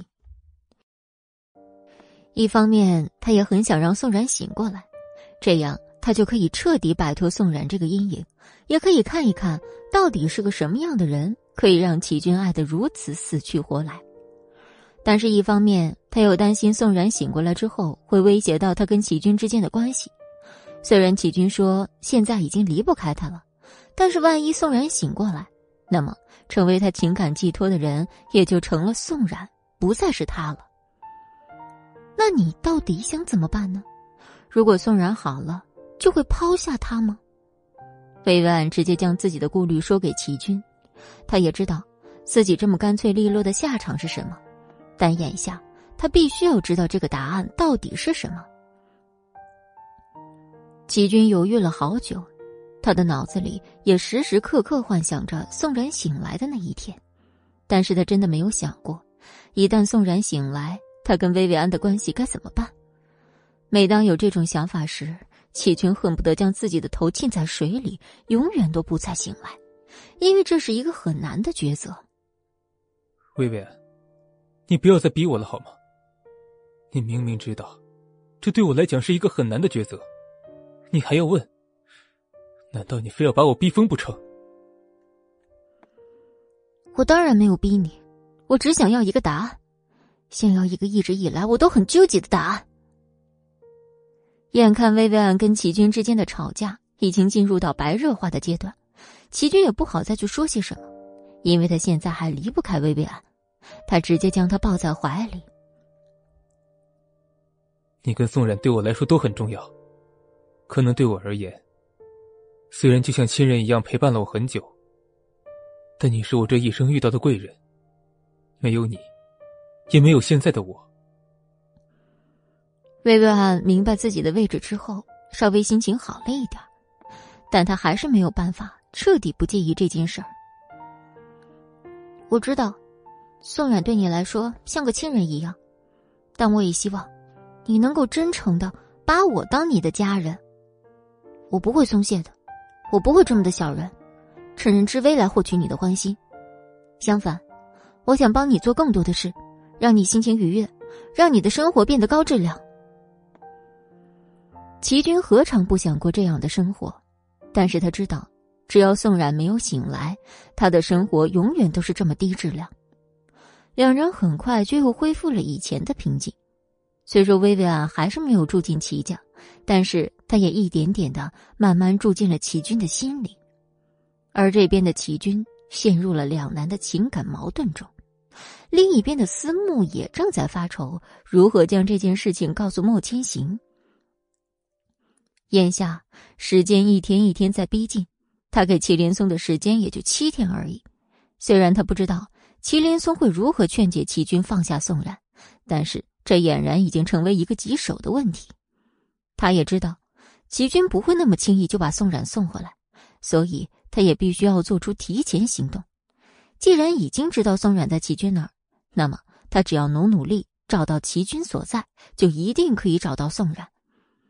只不过。每当莫千行询问他跟祁连松的进展时，他都以工作忙、没有跟祁连松谈话为借口来避开这个话题。但是谁又知道，他其实早就知道宋冉的下落，只是不想让莫千行失望，才不肯说出宋冉的真实情况。但这样下去也不是长久之计。每当莫千行问他时，他都想了一个又一个答案去搪塞他。终于有一天，莫千行实在憋不住了，他觉得。思慕根本没有去找祁连松，看着他发下狠话：“你到底有没有去找祁连松说宋冉的事情？如果没有的话，那我就找别人去替我说了。以你的脾气，还不直接把祁连松绑起来呀？你就听我的吧，过段时间，我一定会帮你找他的，也一定会将宋冉带到你面前。你只需要相信我就好了。然而此时的心情已经等不及了，他已经迫不及待的想要见到宋冉，而且他确定齐军一定跟宋冉在一起。只是他不知道为什么今天的思慕如此抗拒。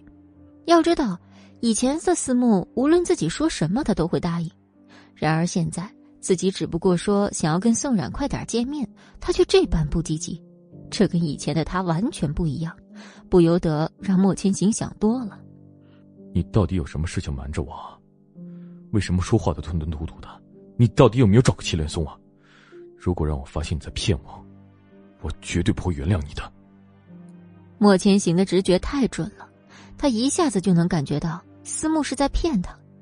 然而思慕被这句话给吓住了。他没有想到，莫千行直觉竟如此之准，竟然到了如此地步。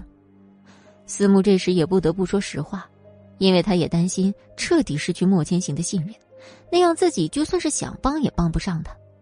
要知道，之前思慕就犯过这样的错误，而莫千行隔了好长时间才肯原谅他。这次思慕说什么也不敢冒这个险，他开始支支吾吾的看着莫千行说。其实，我现在很纠结，到底要不要告诉你。但是我也很害怕，这件事情会对你的身体造成影响。毕竟你现在还没有完全恢复起来，所以在我告诉你实情之前，你必须要保持冷静，并且答应我，不会因为这件事情而情绪激动，也不会因为这件事情而失去活下去的希望。莫千行第一次听到思慕说话这么严重。从他的语气中，莫千行觉得这事儿一定没那么简单。他的眼神开始变得恐慌，心脏也开始变得砰砰乱跳。思慕的嘴巴开始支支吾吾，突然有一瞬间，他真想找个地缝钻进去，但是奈何被莫千行这样强逼着开口，只能实话实说。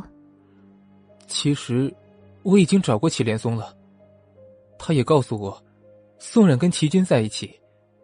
只不过，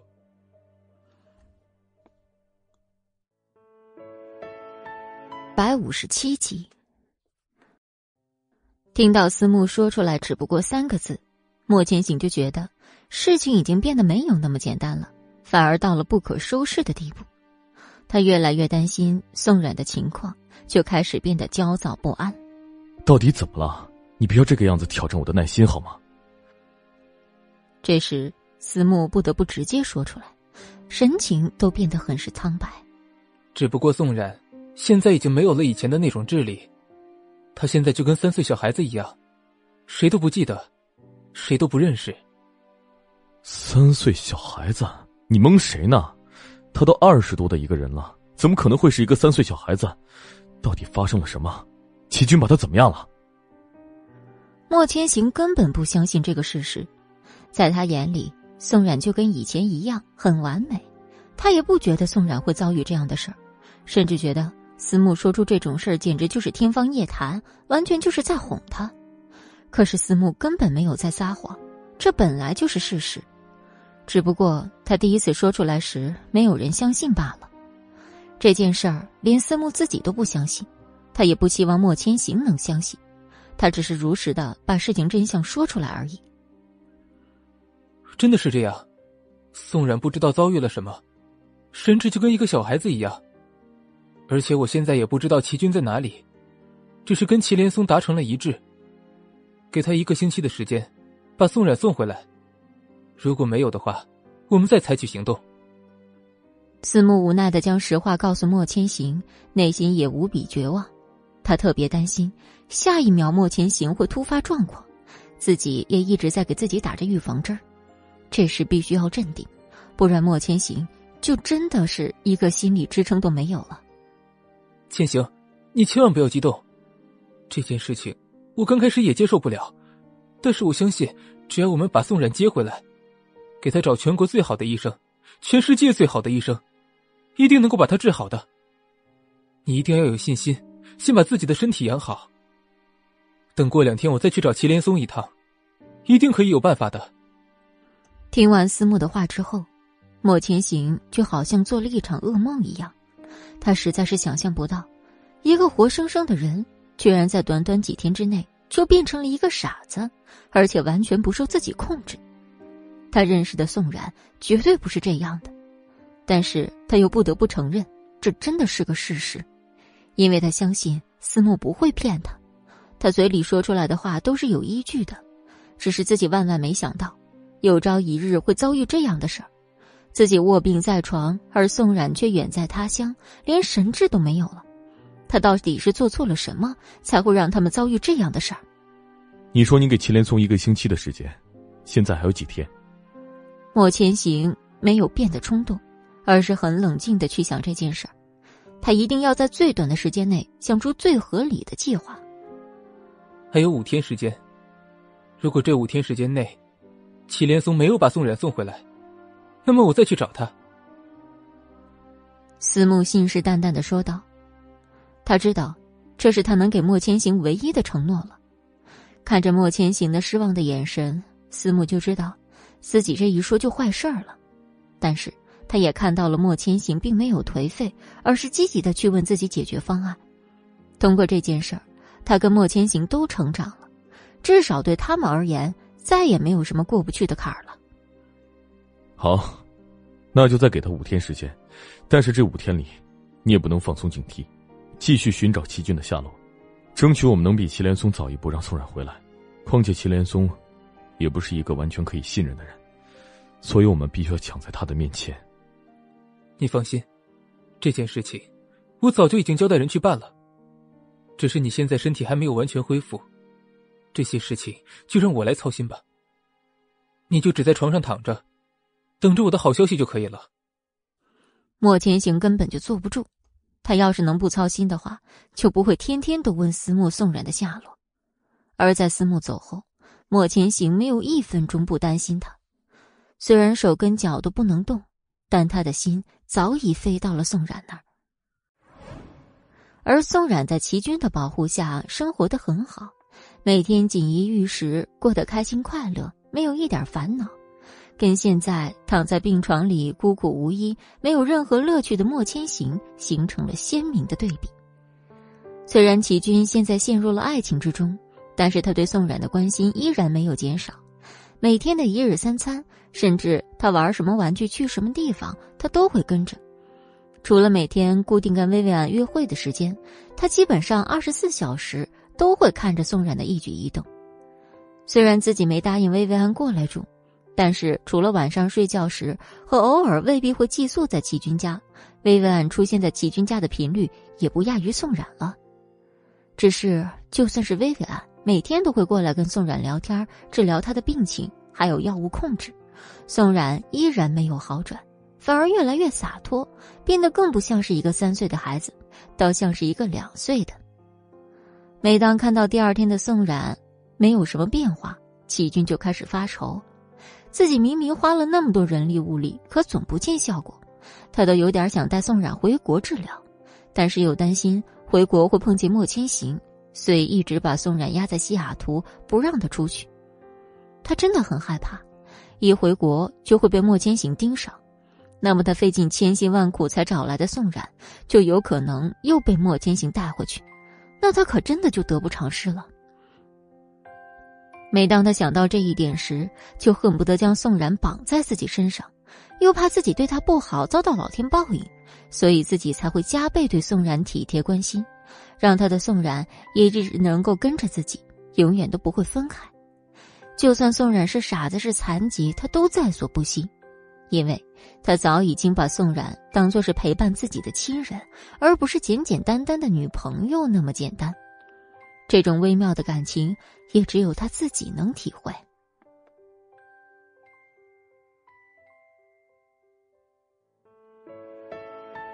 五十八集。而就在这一天，祁连松坐了连夜的飞机赶到了西雅图，就是为了跟齐军商量这件事儿。他已经不能容忍齐军再这样随意妄为，所以他必须要介入薇薇安的力量，让齐军彻底放弃算了。这样他们两个人才会有更完美的人生，而不是一直这样纠缠下去，谁都得不到幸福。他早已联系好薇薇安，让他跟自己打好配合，而他也不好直接出面，先是找了薇薇安，让他跟齐军获得他的信任，再从他自己下手。他也已经从薇薇安那儿了解到，现在的齐军已经跟以前发生很大的变化。他已经不把宋冉当唯一的心理寄托，而开始慢慢的将薇薇安当做自己的知己，跟他倾诉自己的心事。这样让齐军慢慢松软，就再简单不过了。他们到西雅图时已经是凌晨一点，为了不打扰齐军休息，祁林松找了个酒店就住下，直到第二天早上八点。他才动身去了齐家宅子。他知道了现在的齐军没有工作，全身心都投入到了陪伴宋冉当中，所以他也不想让齐军太难看，并早已经想好理由去看他。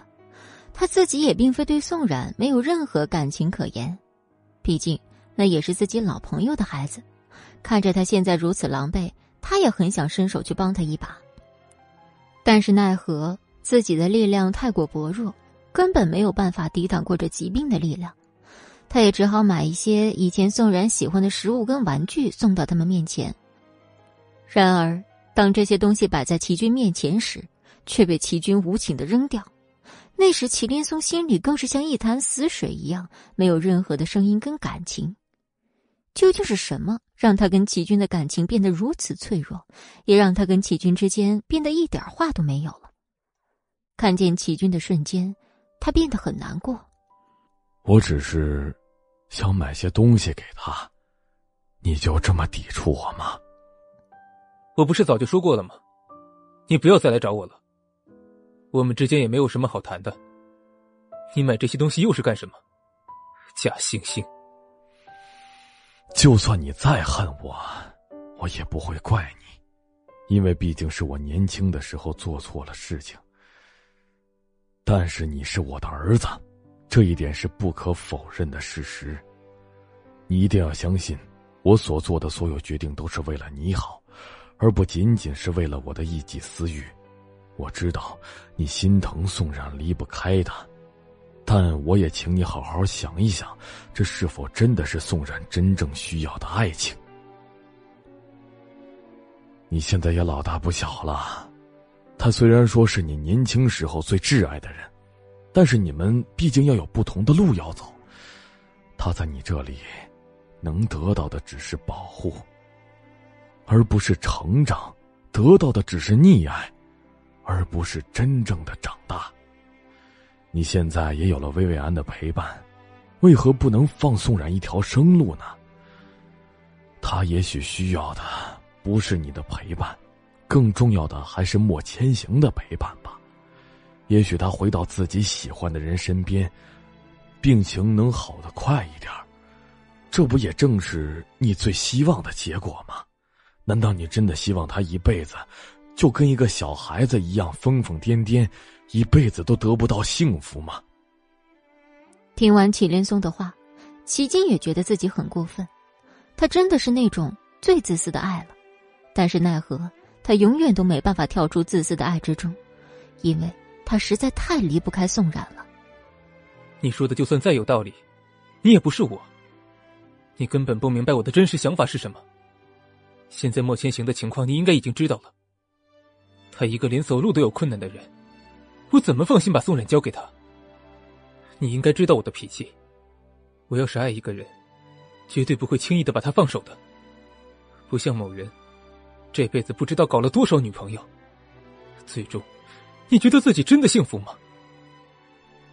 我知道，我现在说什么，你都会觉得我是一个烂人，但是在这件事情上，我比你懂得多，也比你见过的世面多。我希望你冷静的想一想，到底哪种生活才是对宋冉真正好的。到底哪种方式才是真正适合宋冉的病情的？你要是真的爱宋冉，就应该将他原封不动的送回去。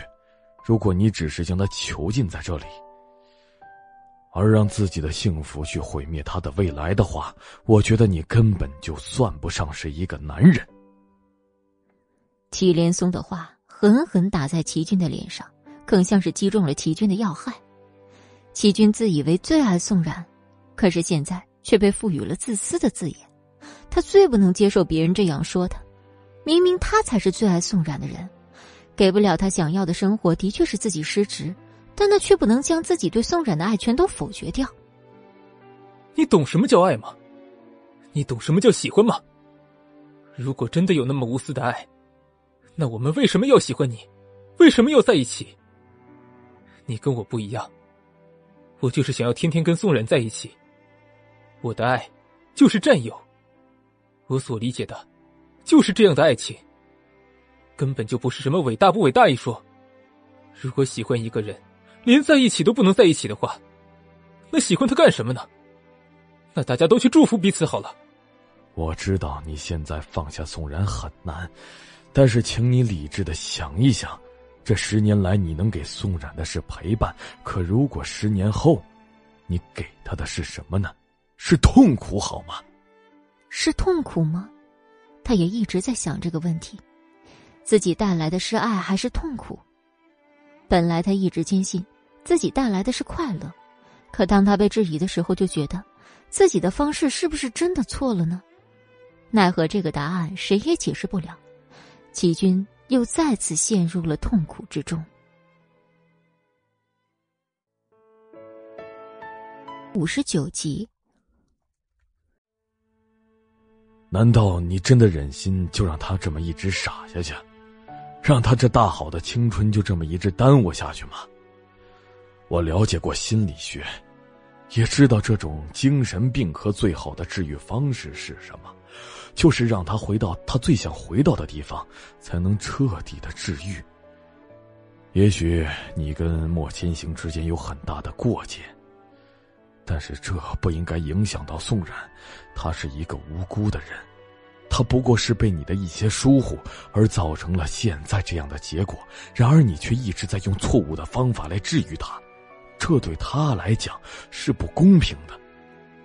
祁连松动之以情，晓之以理。跟齐军说了好多，就是想让他能够放下心中芥蒂，也能够放宋冉一条生路，让他回归到自己真正想要的生活。可这件事儿对齐军来说又谈何容易？他费尽千辛万苦追来的女人，如果就这么轻易还给莫千行的话，那他之前所做的一切不都白费了吗？岂不像是一场闹剧一样？好了，你不要再说了，给我一点时间，让我考虑考虑。三天之后，我会给你一个答复的。这是齐军能对祁连松做出的最后退让，也是他最后的一点坚强。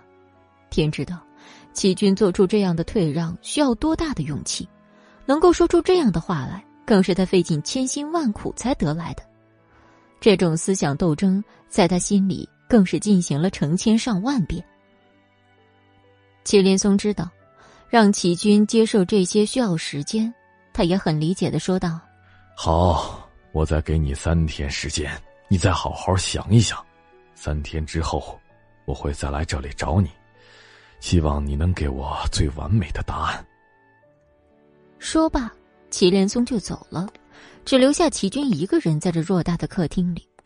他看着周围来来往往的佣人，就觉得自己的生活的确是一点意义都没有。他整天都围着宋冉一个人转。而房间里所有的人都在围着他转，别人是为了挣钱，而他只是为了跟宋冉时时刻刻在一起。然而，这付出的代价直接就是宋冉的精神遭受巨大伤害，而他自己也变得不思进取、不求上进。但每当他想到一旦离开自己，他就会变得很抓狂的样子，他就会不知所措，看见什么东西都想扔，他觉得什么东西都没有趣味，没有一点意思。那并不是他真正想要的生活，但是他却不得不这样做着。在这三天，启军更像是刀山火海下一样煎熬的生活。每当他看到宋冉在他面前活蹦乱跳，他都会很不舍。这是他最心爱的女人，难道就这样拱手让人吗？但凡有一点办法，他都不会想让宋冉回到莫千行身边。但不知道为什么。听完祁连松对自己的建议之后，他也觉得宋冉回到莫千行那儿反而会更有益于他的病情，因为宋冉在这儿虽然过着无忧无虑的生活，可对他的病情没有一点好转，反而越发疯玩起来。那跟以前那个雷厉风行、聪明伶俐的宋冉完全不一样。他现在就像是一个失去灵魂的孩子，再也没有了以前肃然的独特气质。他仿佛这才发现，自己最喜欢的还是以前的宋冉，有自己的特点，也有自己的傲骨。在齐军不知所措时，薇薇安走到他面前，拿了一杯他最喜欢的咖啡。怎么了？听王妈说这几天你都没出门，给你发消息你也不回。没事，我只是心情不好而已，不用管我，你先回去吧。我不想影响你。不要心情不好，你知道吗？你就像是我的心情表一样。你开心我就开心，你不开心，我会比你更难过。如果有什么事情，一定要跟我分享，不管是好还是坏。看着薇薇安如此诚恳的跟自己说话，齐军的心再一次触动了。明明自己身边有这么一个体贴自己的人，而自己却一点都不懂得珍惜，一直在推开他。明明跟他说心里话最多的是眼前的女人，而自己心里装着的。却是另外一个不在乎自己的人，齐军觉得自己真的很过分，但是他又觉得这种过分是他无法控制的。他一把将薇薇安抱在怀里，我挺好的，你不用担心我。只是这段时间，你也辛苦了，我也一直没有好好的陪过你。我一点都不觉得辛苦，只要能一直待在你身边，让我做什么都愿意。当然。我也希望你能把你所有的心事都跟我说，我会一直是你的倾听者，也会一直在你身边守护你的。薇薇安的告白让齐军感动不已，而这也是让齐军心软的导火索。在那晚他送走薇薇安以后，一夜都没有睡，一直在想着宋冉这件事儿。虽然他跟宋冉这段时间也相处的很开心，宋冉也早已经当他是哥哥一样看待。但这样生活的越久，他越觉得自己像是生活在童话故事里，一点都不现实，而那也不是他真正想要的生活。每当想到这儿，他就觉得自己像是一个处在水深火热中的人。而薇薇安更是庆幸自己跟祁连松之间的合作，如果不是祁连松的话，祁军不会这么快就接受自己，被自己感动。他更是觉得宋冉离开自己的日子不远了。他也在做着下一步准备的计划，脑海中更是规划好一切美好的画面，也就是这个画面支撑着他一直无畏的前行着。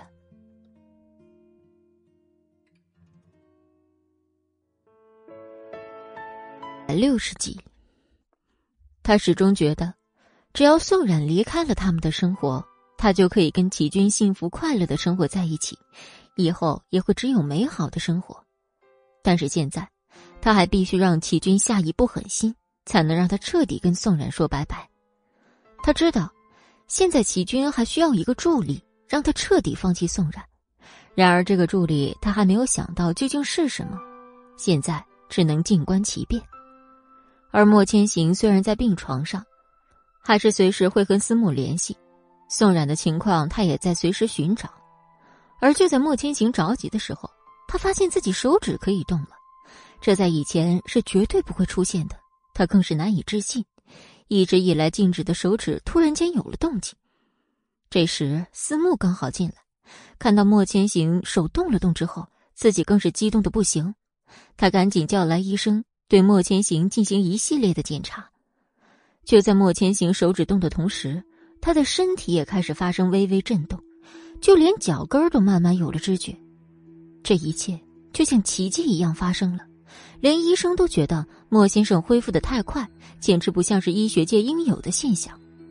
然而，也有医生说是莫千行自己的意志力让他恢复的这么快，也跟他以前经常锻炼身体有关，所以身体机能才能恢复的这么好。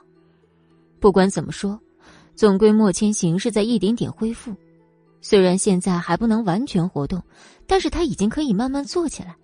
就这一点。思慕已经很开心了，他更觉得上天是公平的，并没有一棒子把莫千行打死，还给了他一点机会。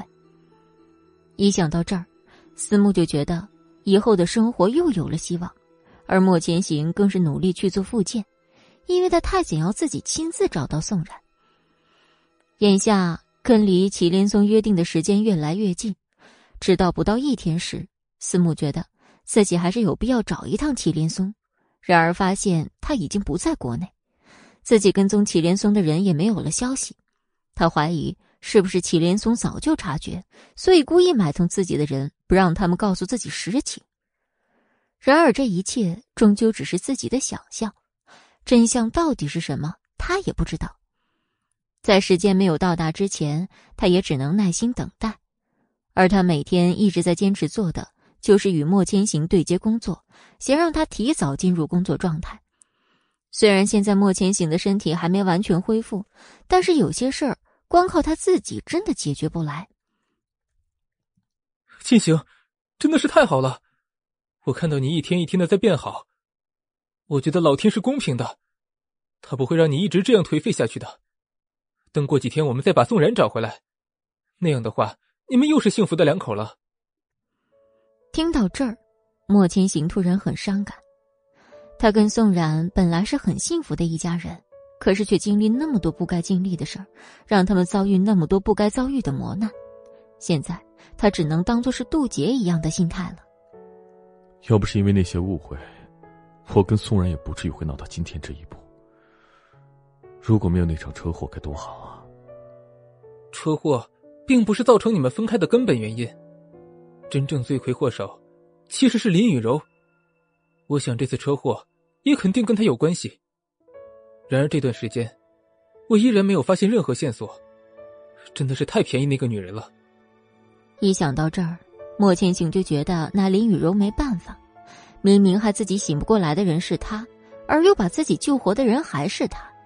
他一次次让自己陷在水深火热之中，又一次次带他离开困境。这女人就像个谜一样，在他的生活里扮演着不可或缺的角色。可是他一点都不想这个角色参与到他的生活中，可却怎么都摆脱不了。你说，我该当他怎么办呢？明明害我成这样的人是他，又救我活命的人也是他，林雨柔，她到底想做什么？他大概是你上辈子欠的情债吧，这辈子专门来找你负债的，不把你折磨的死去活来，绝对不会善罢甘休。这倒真有点像林雨柔的风格。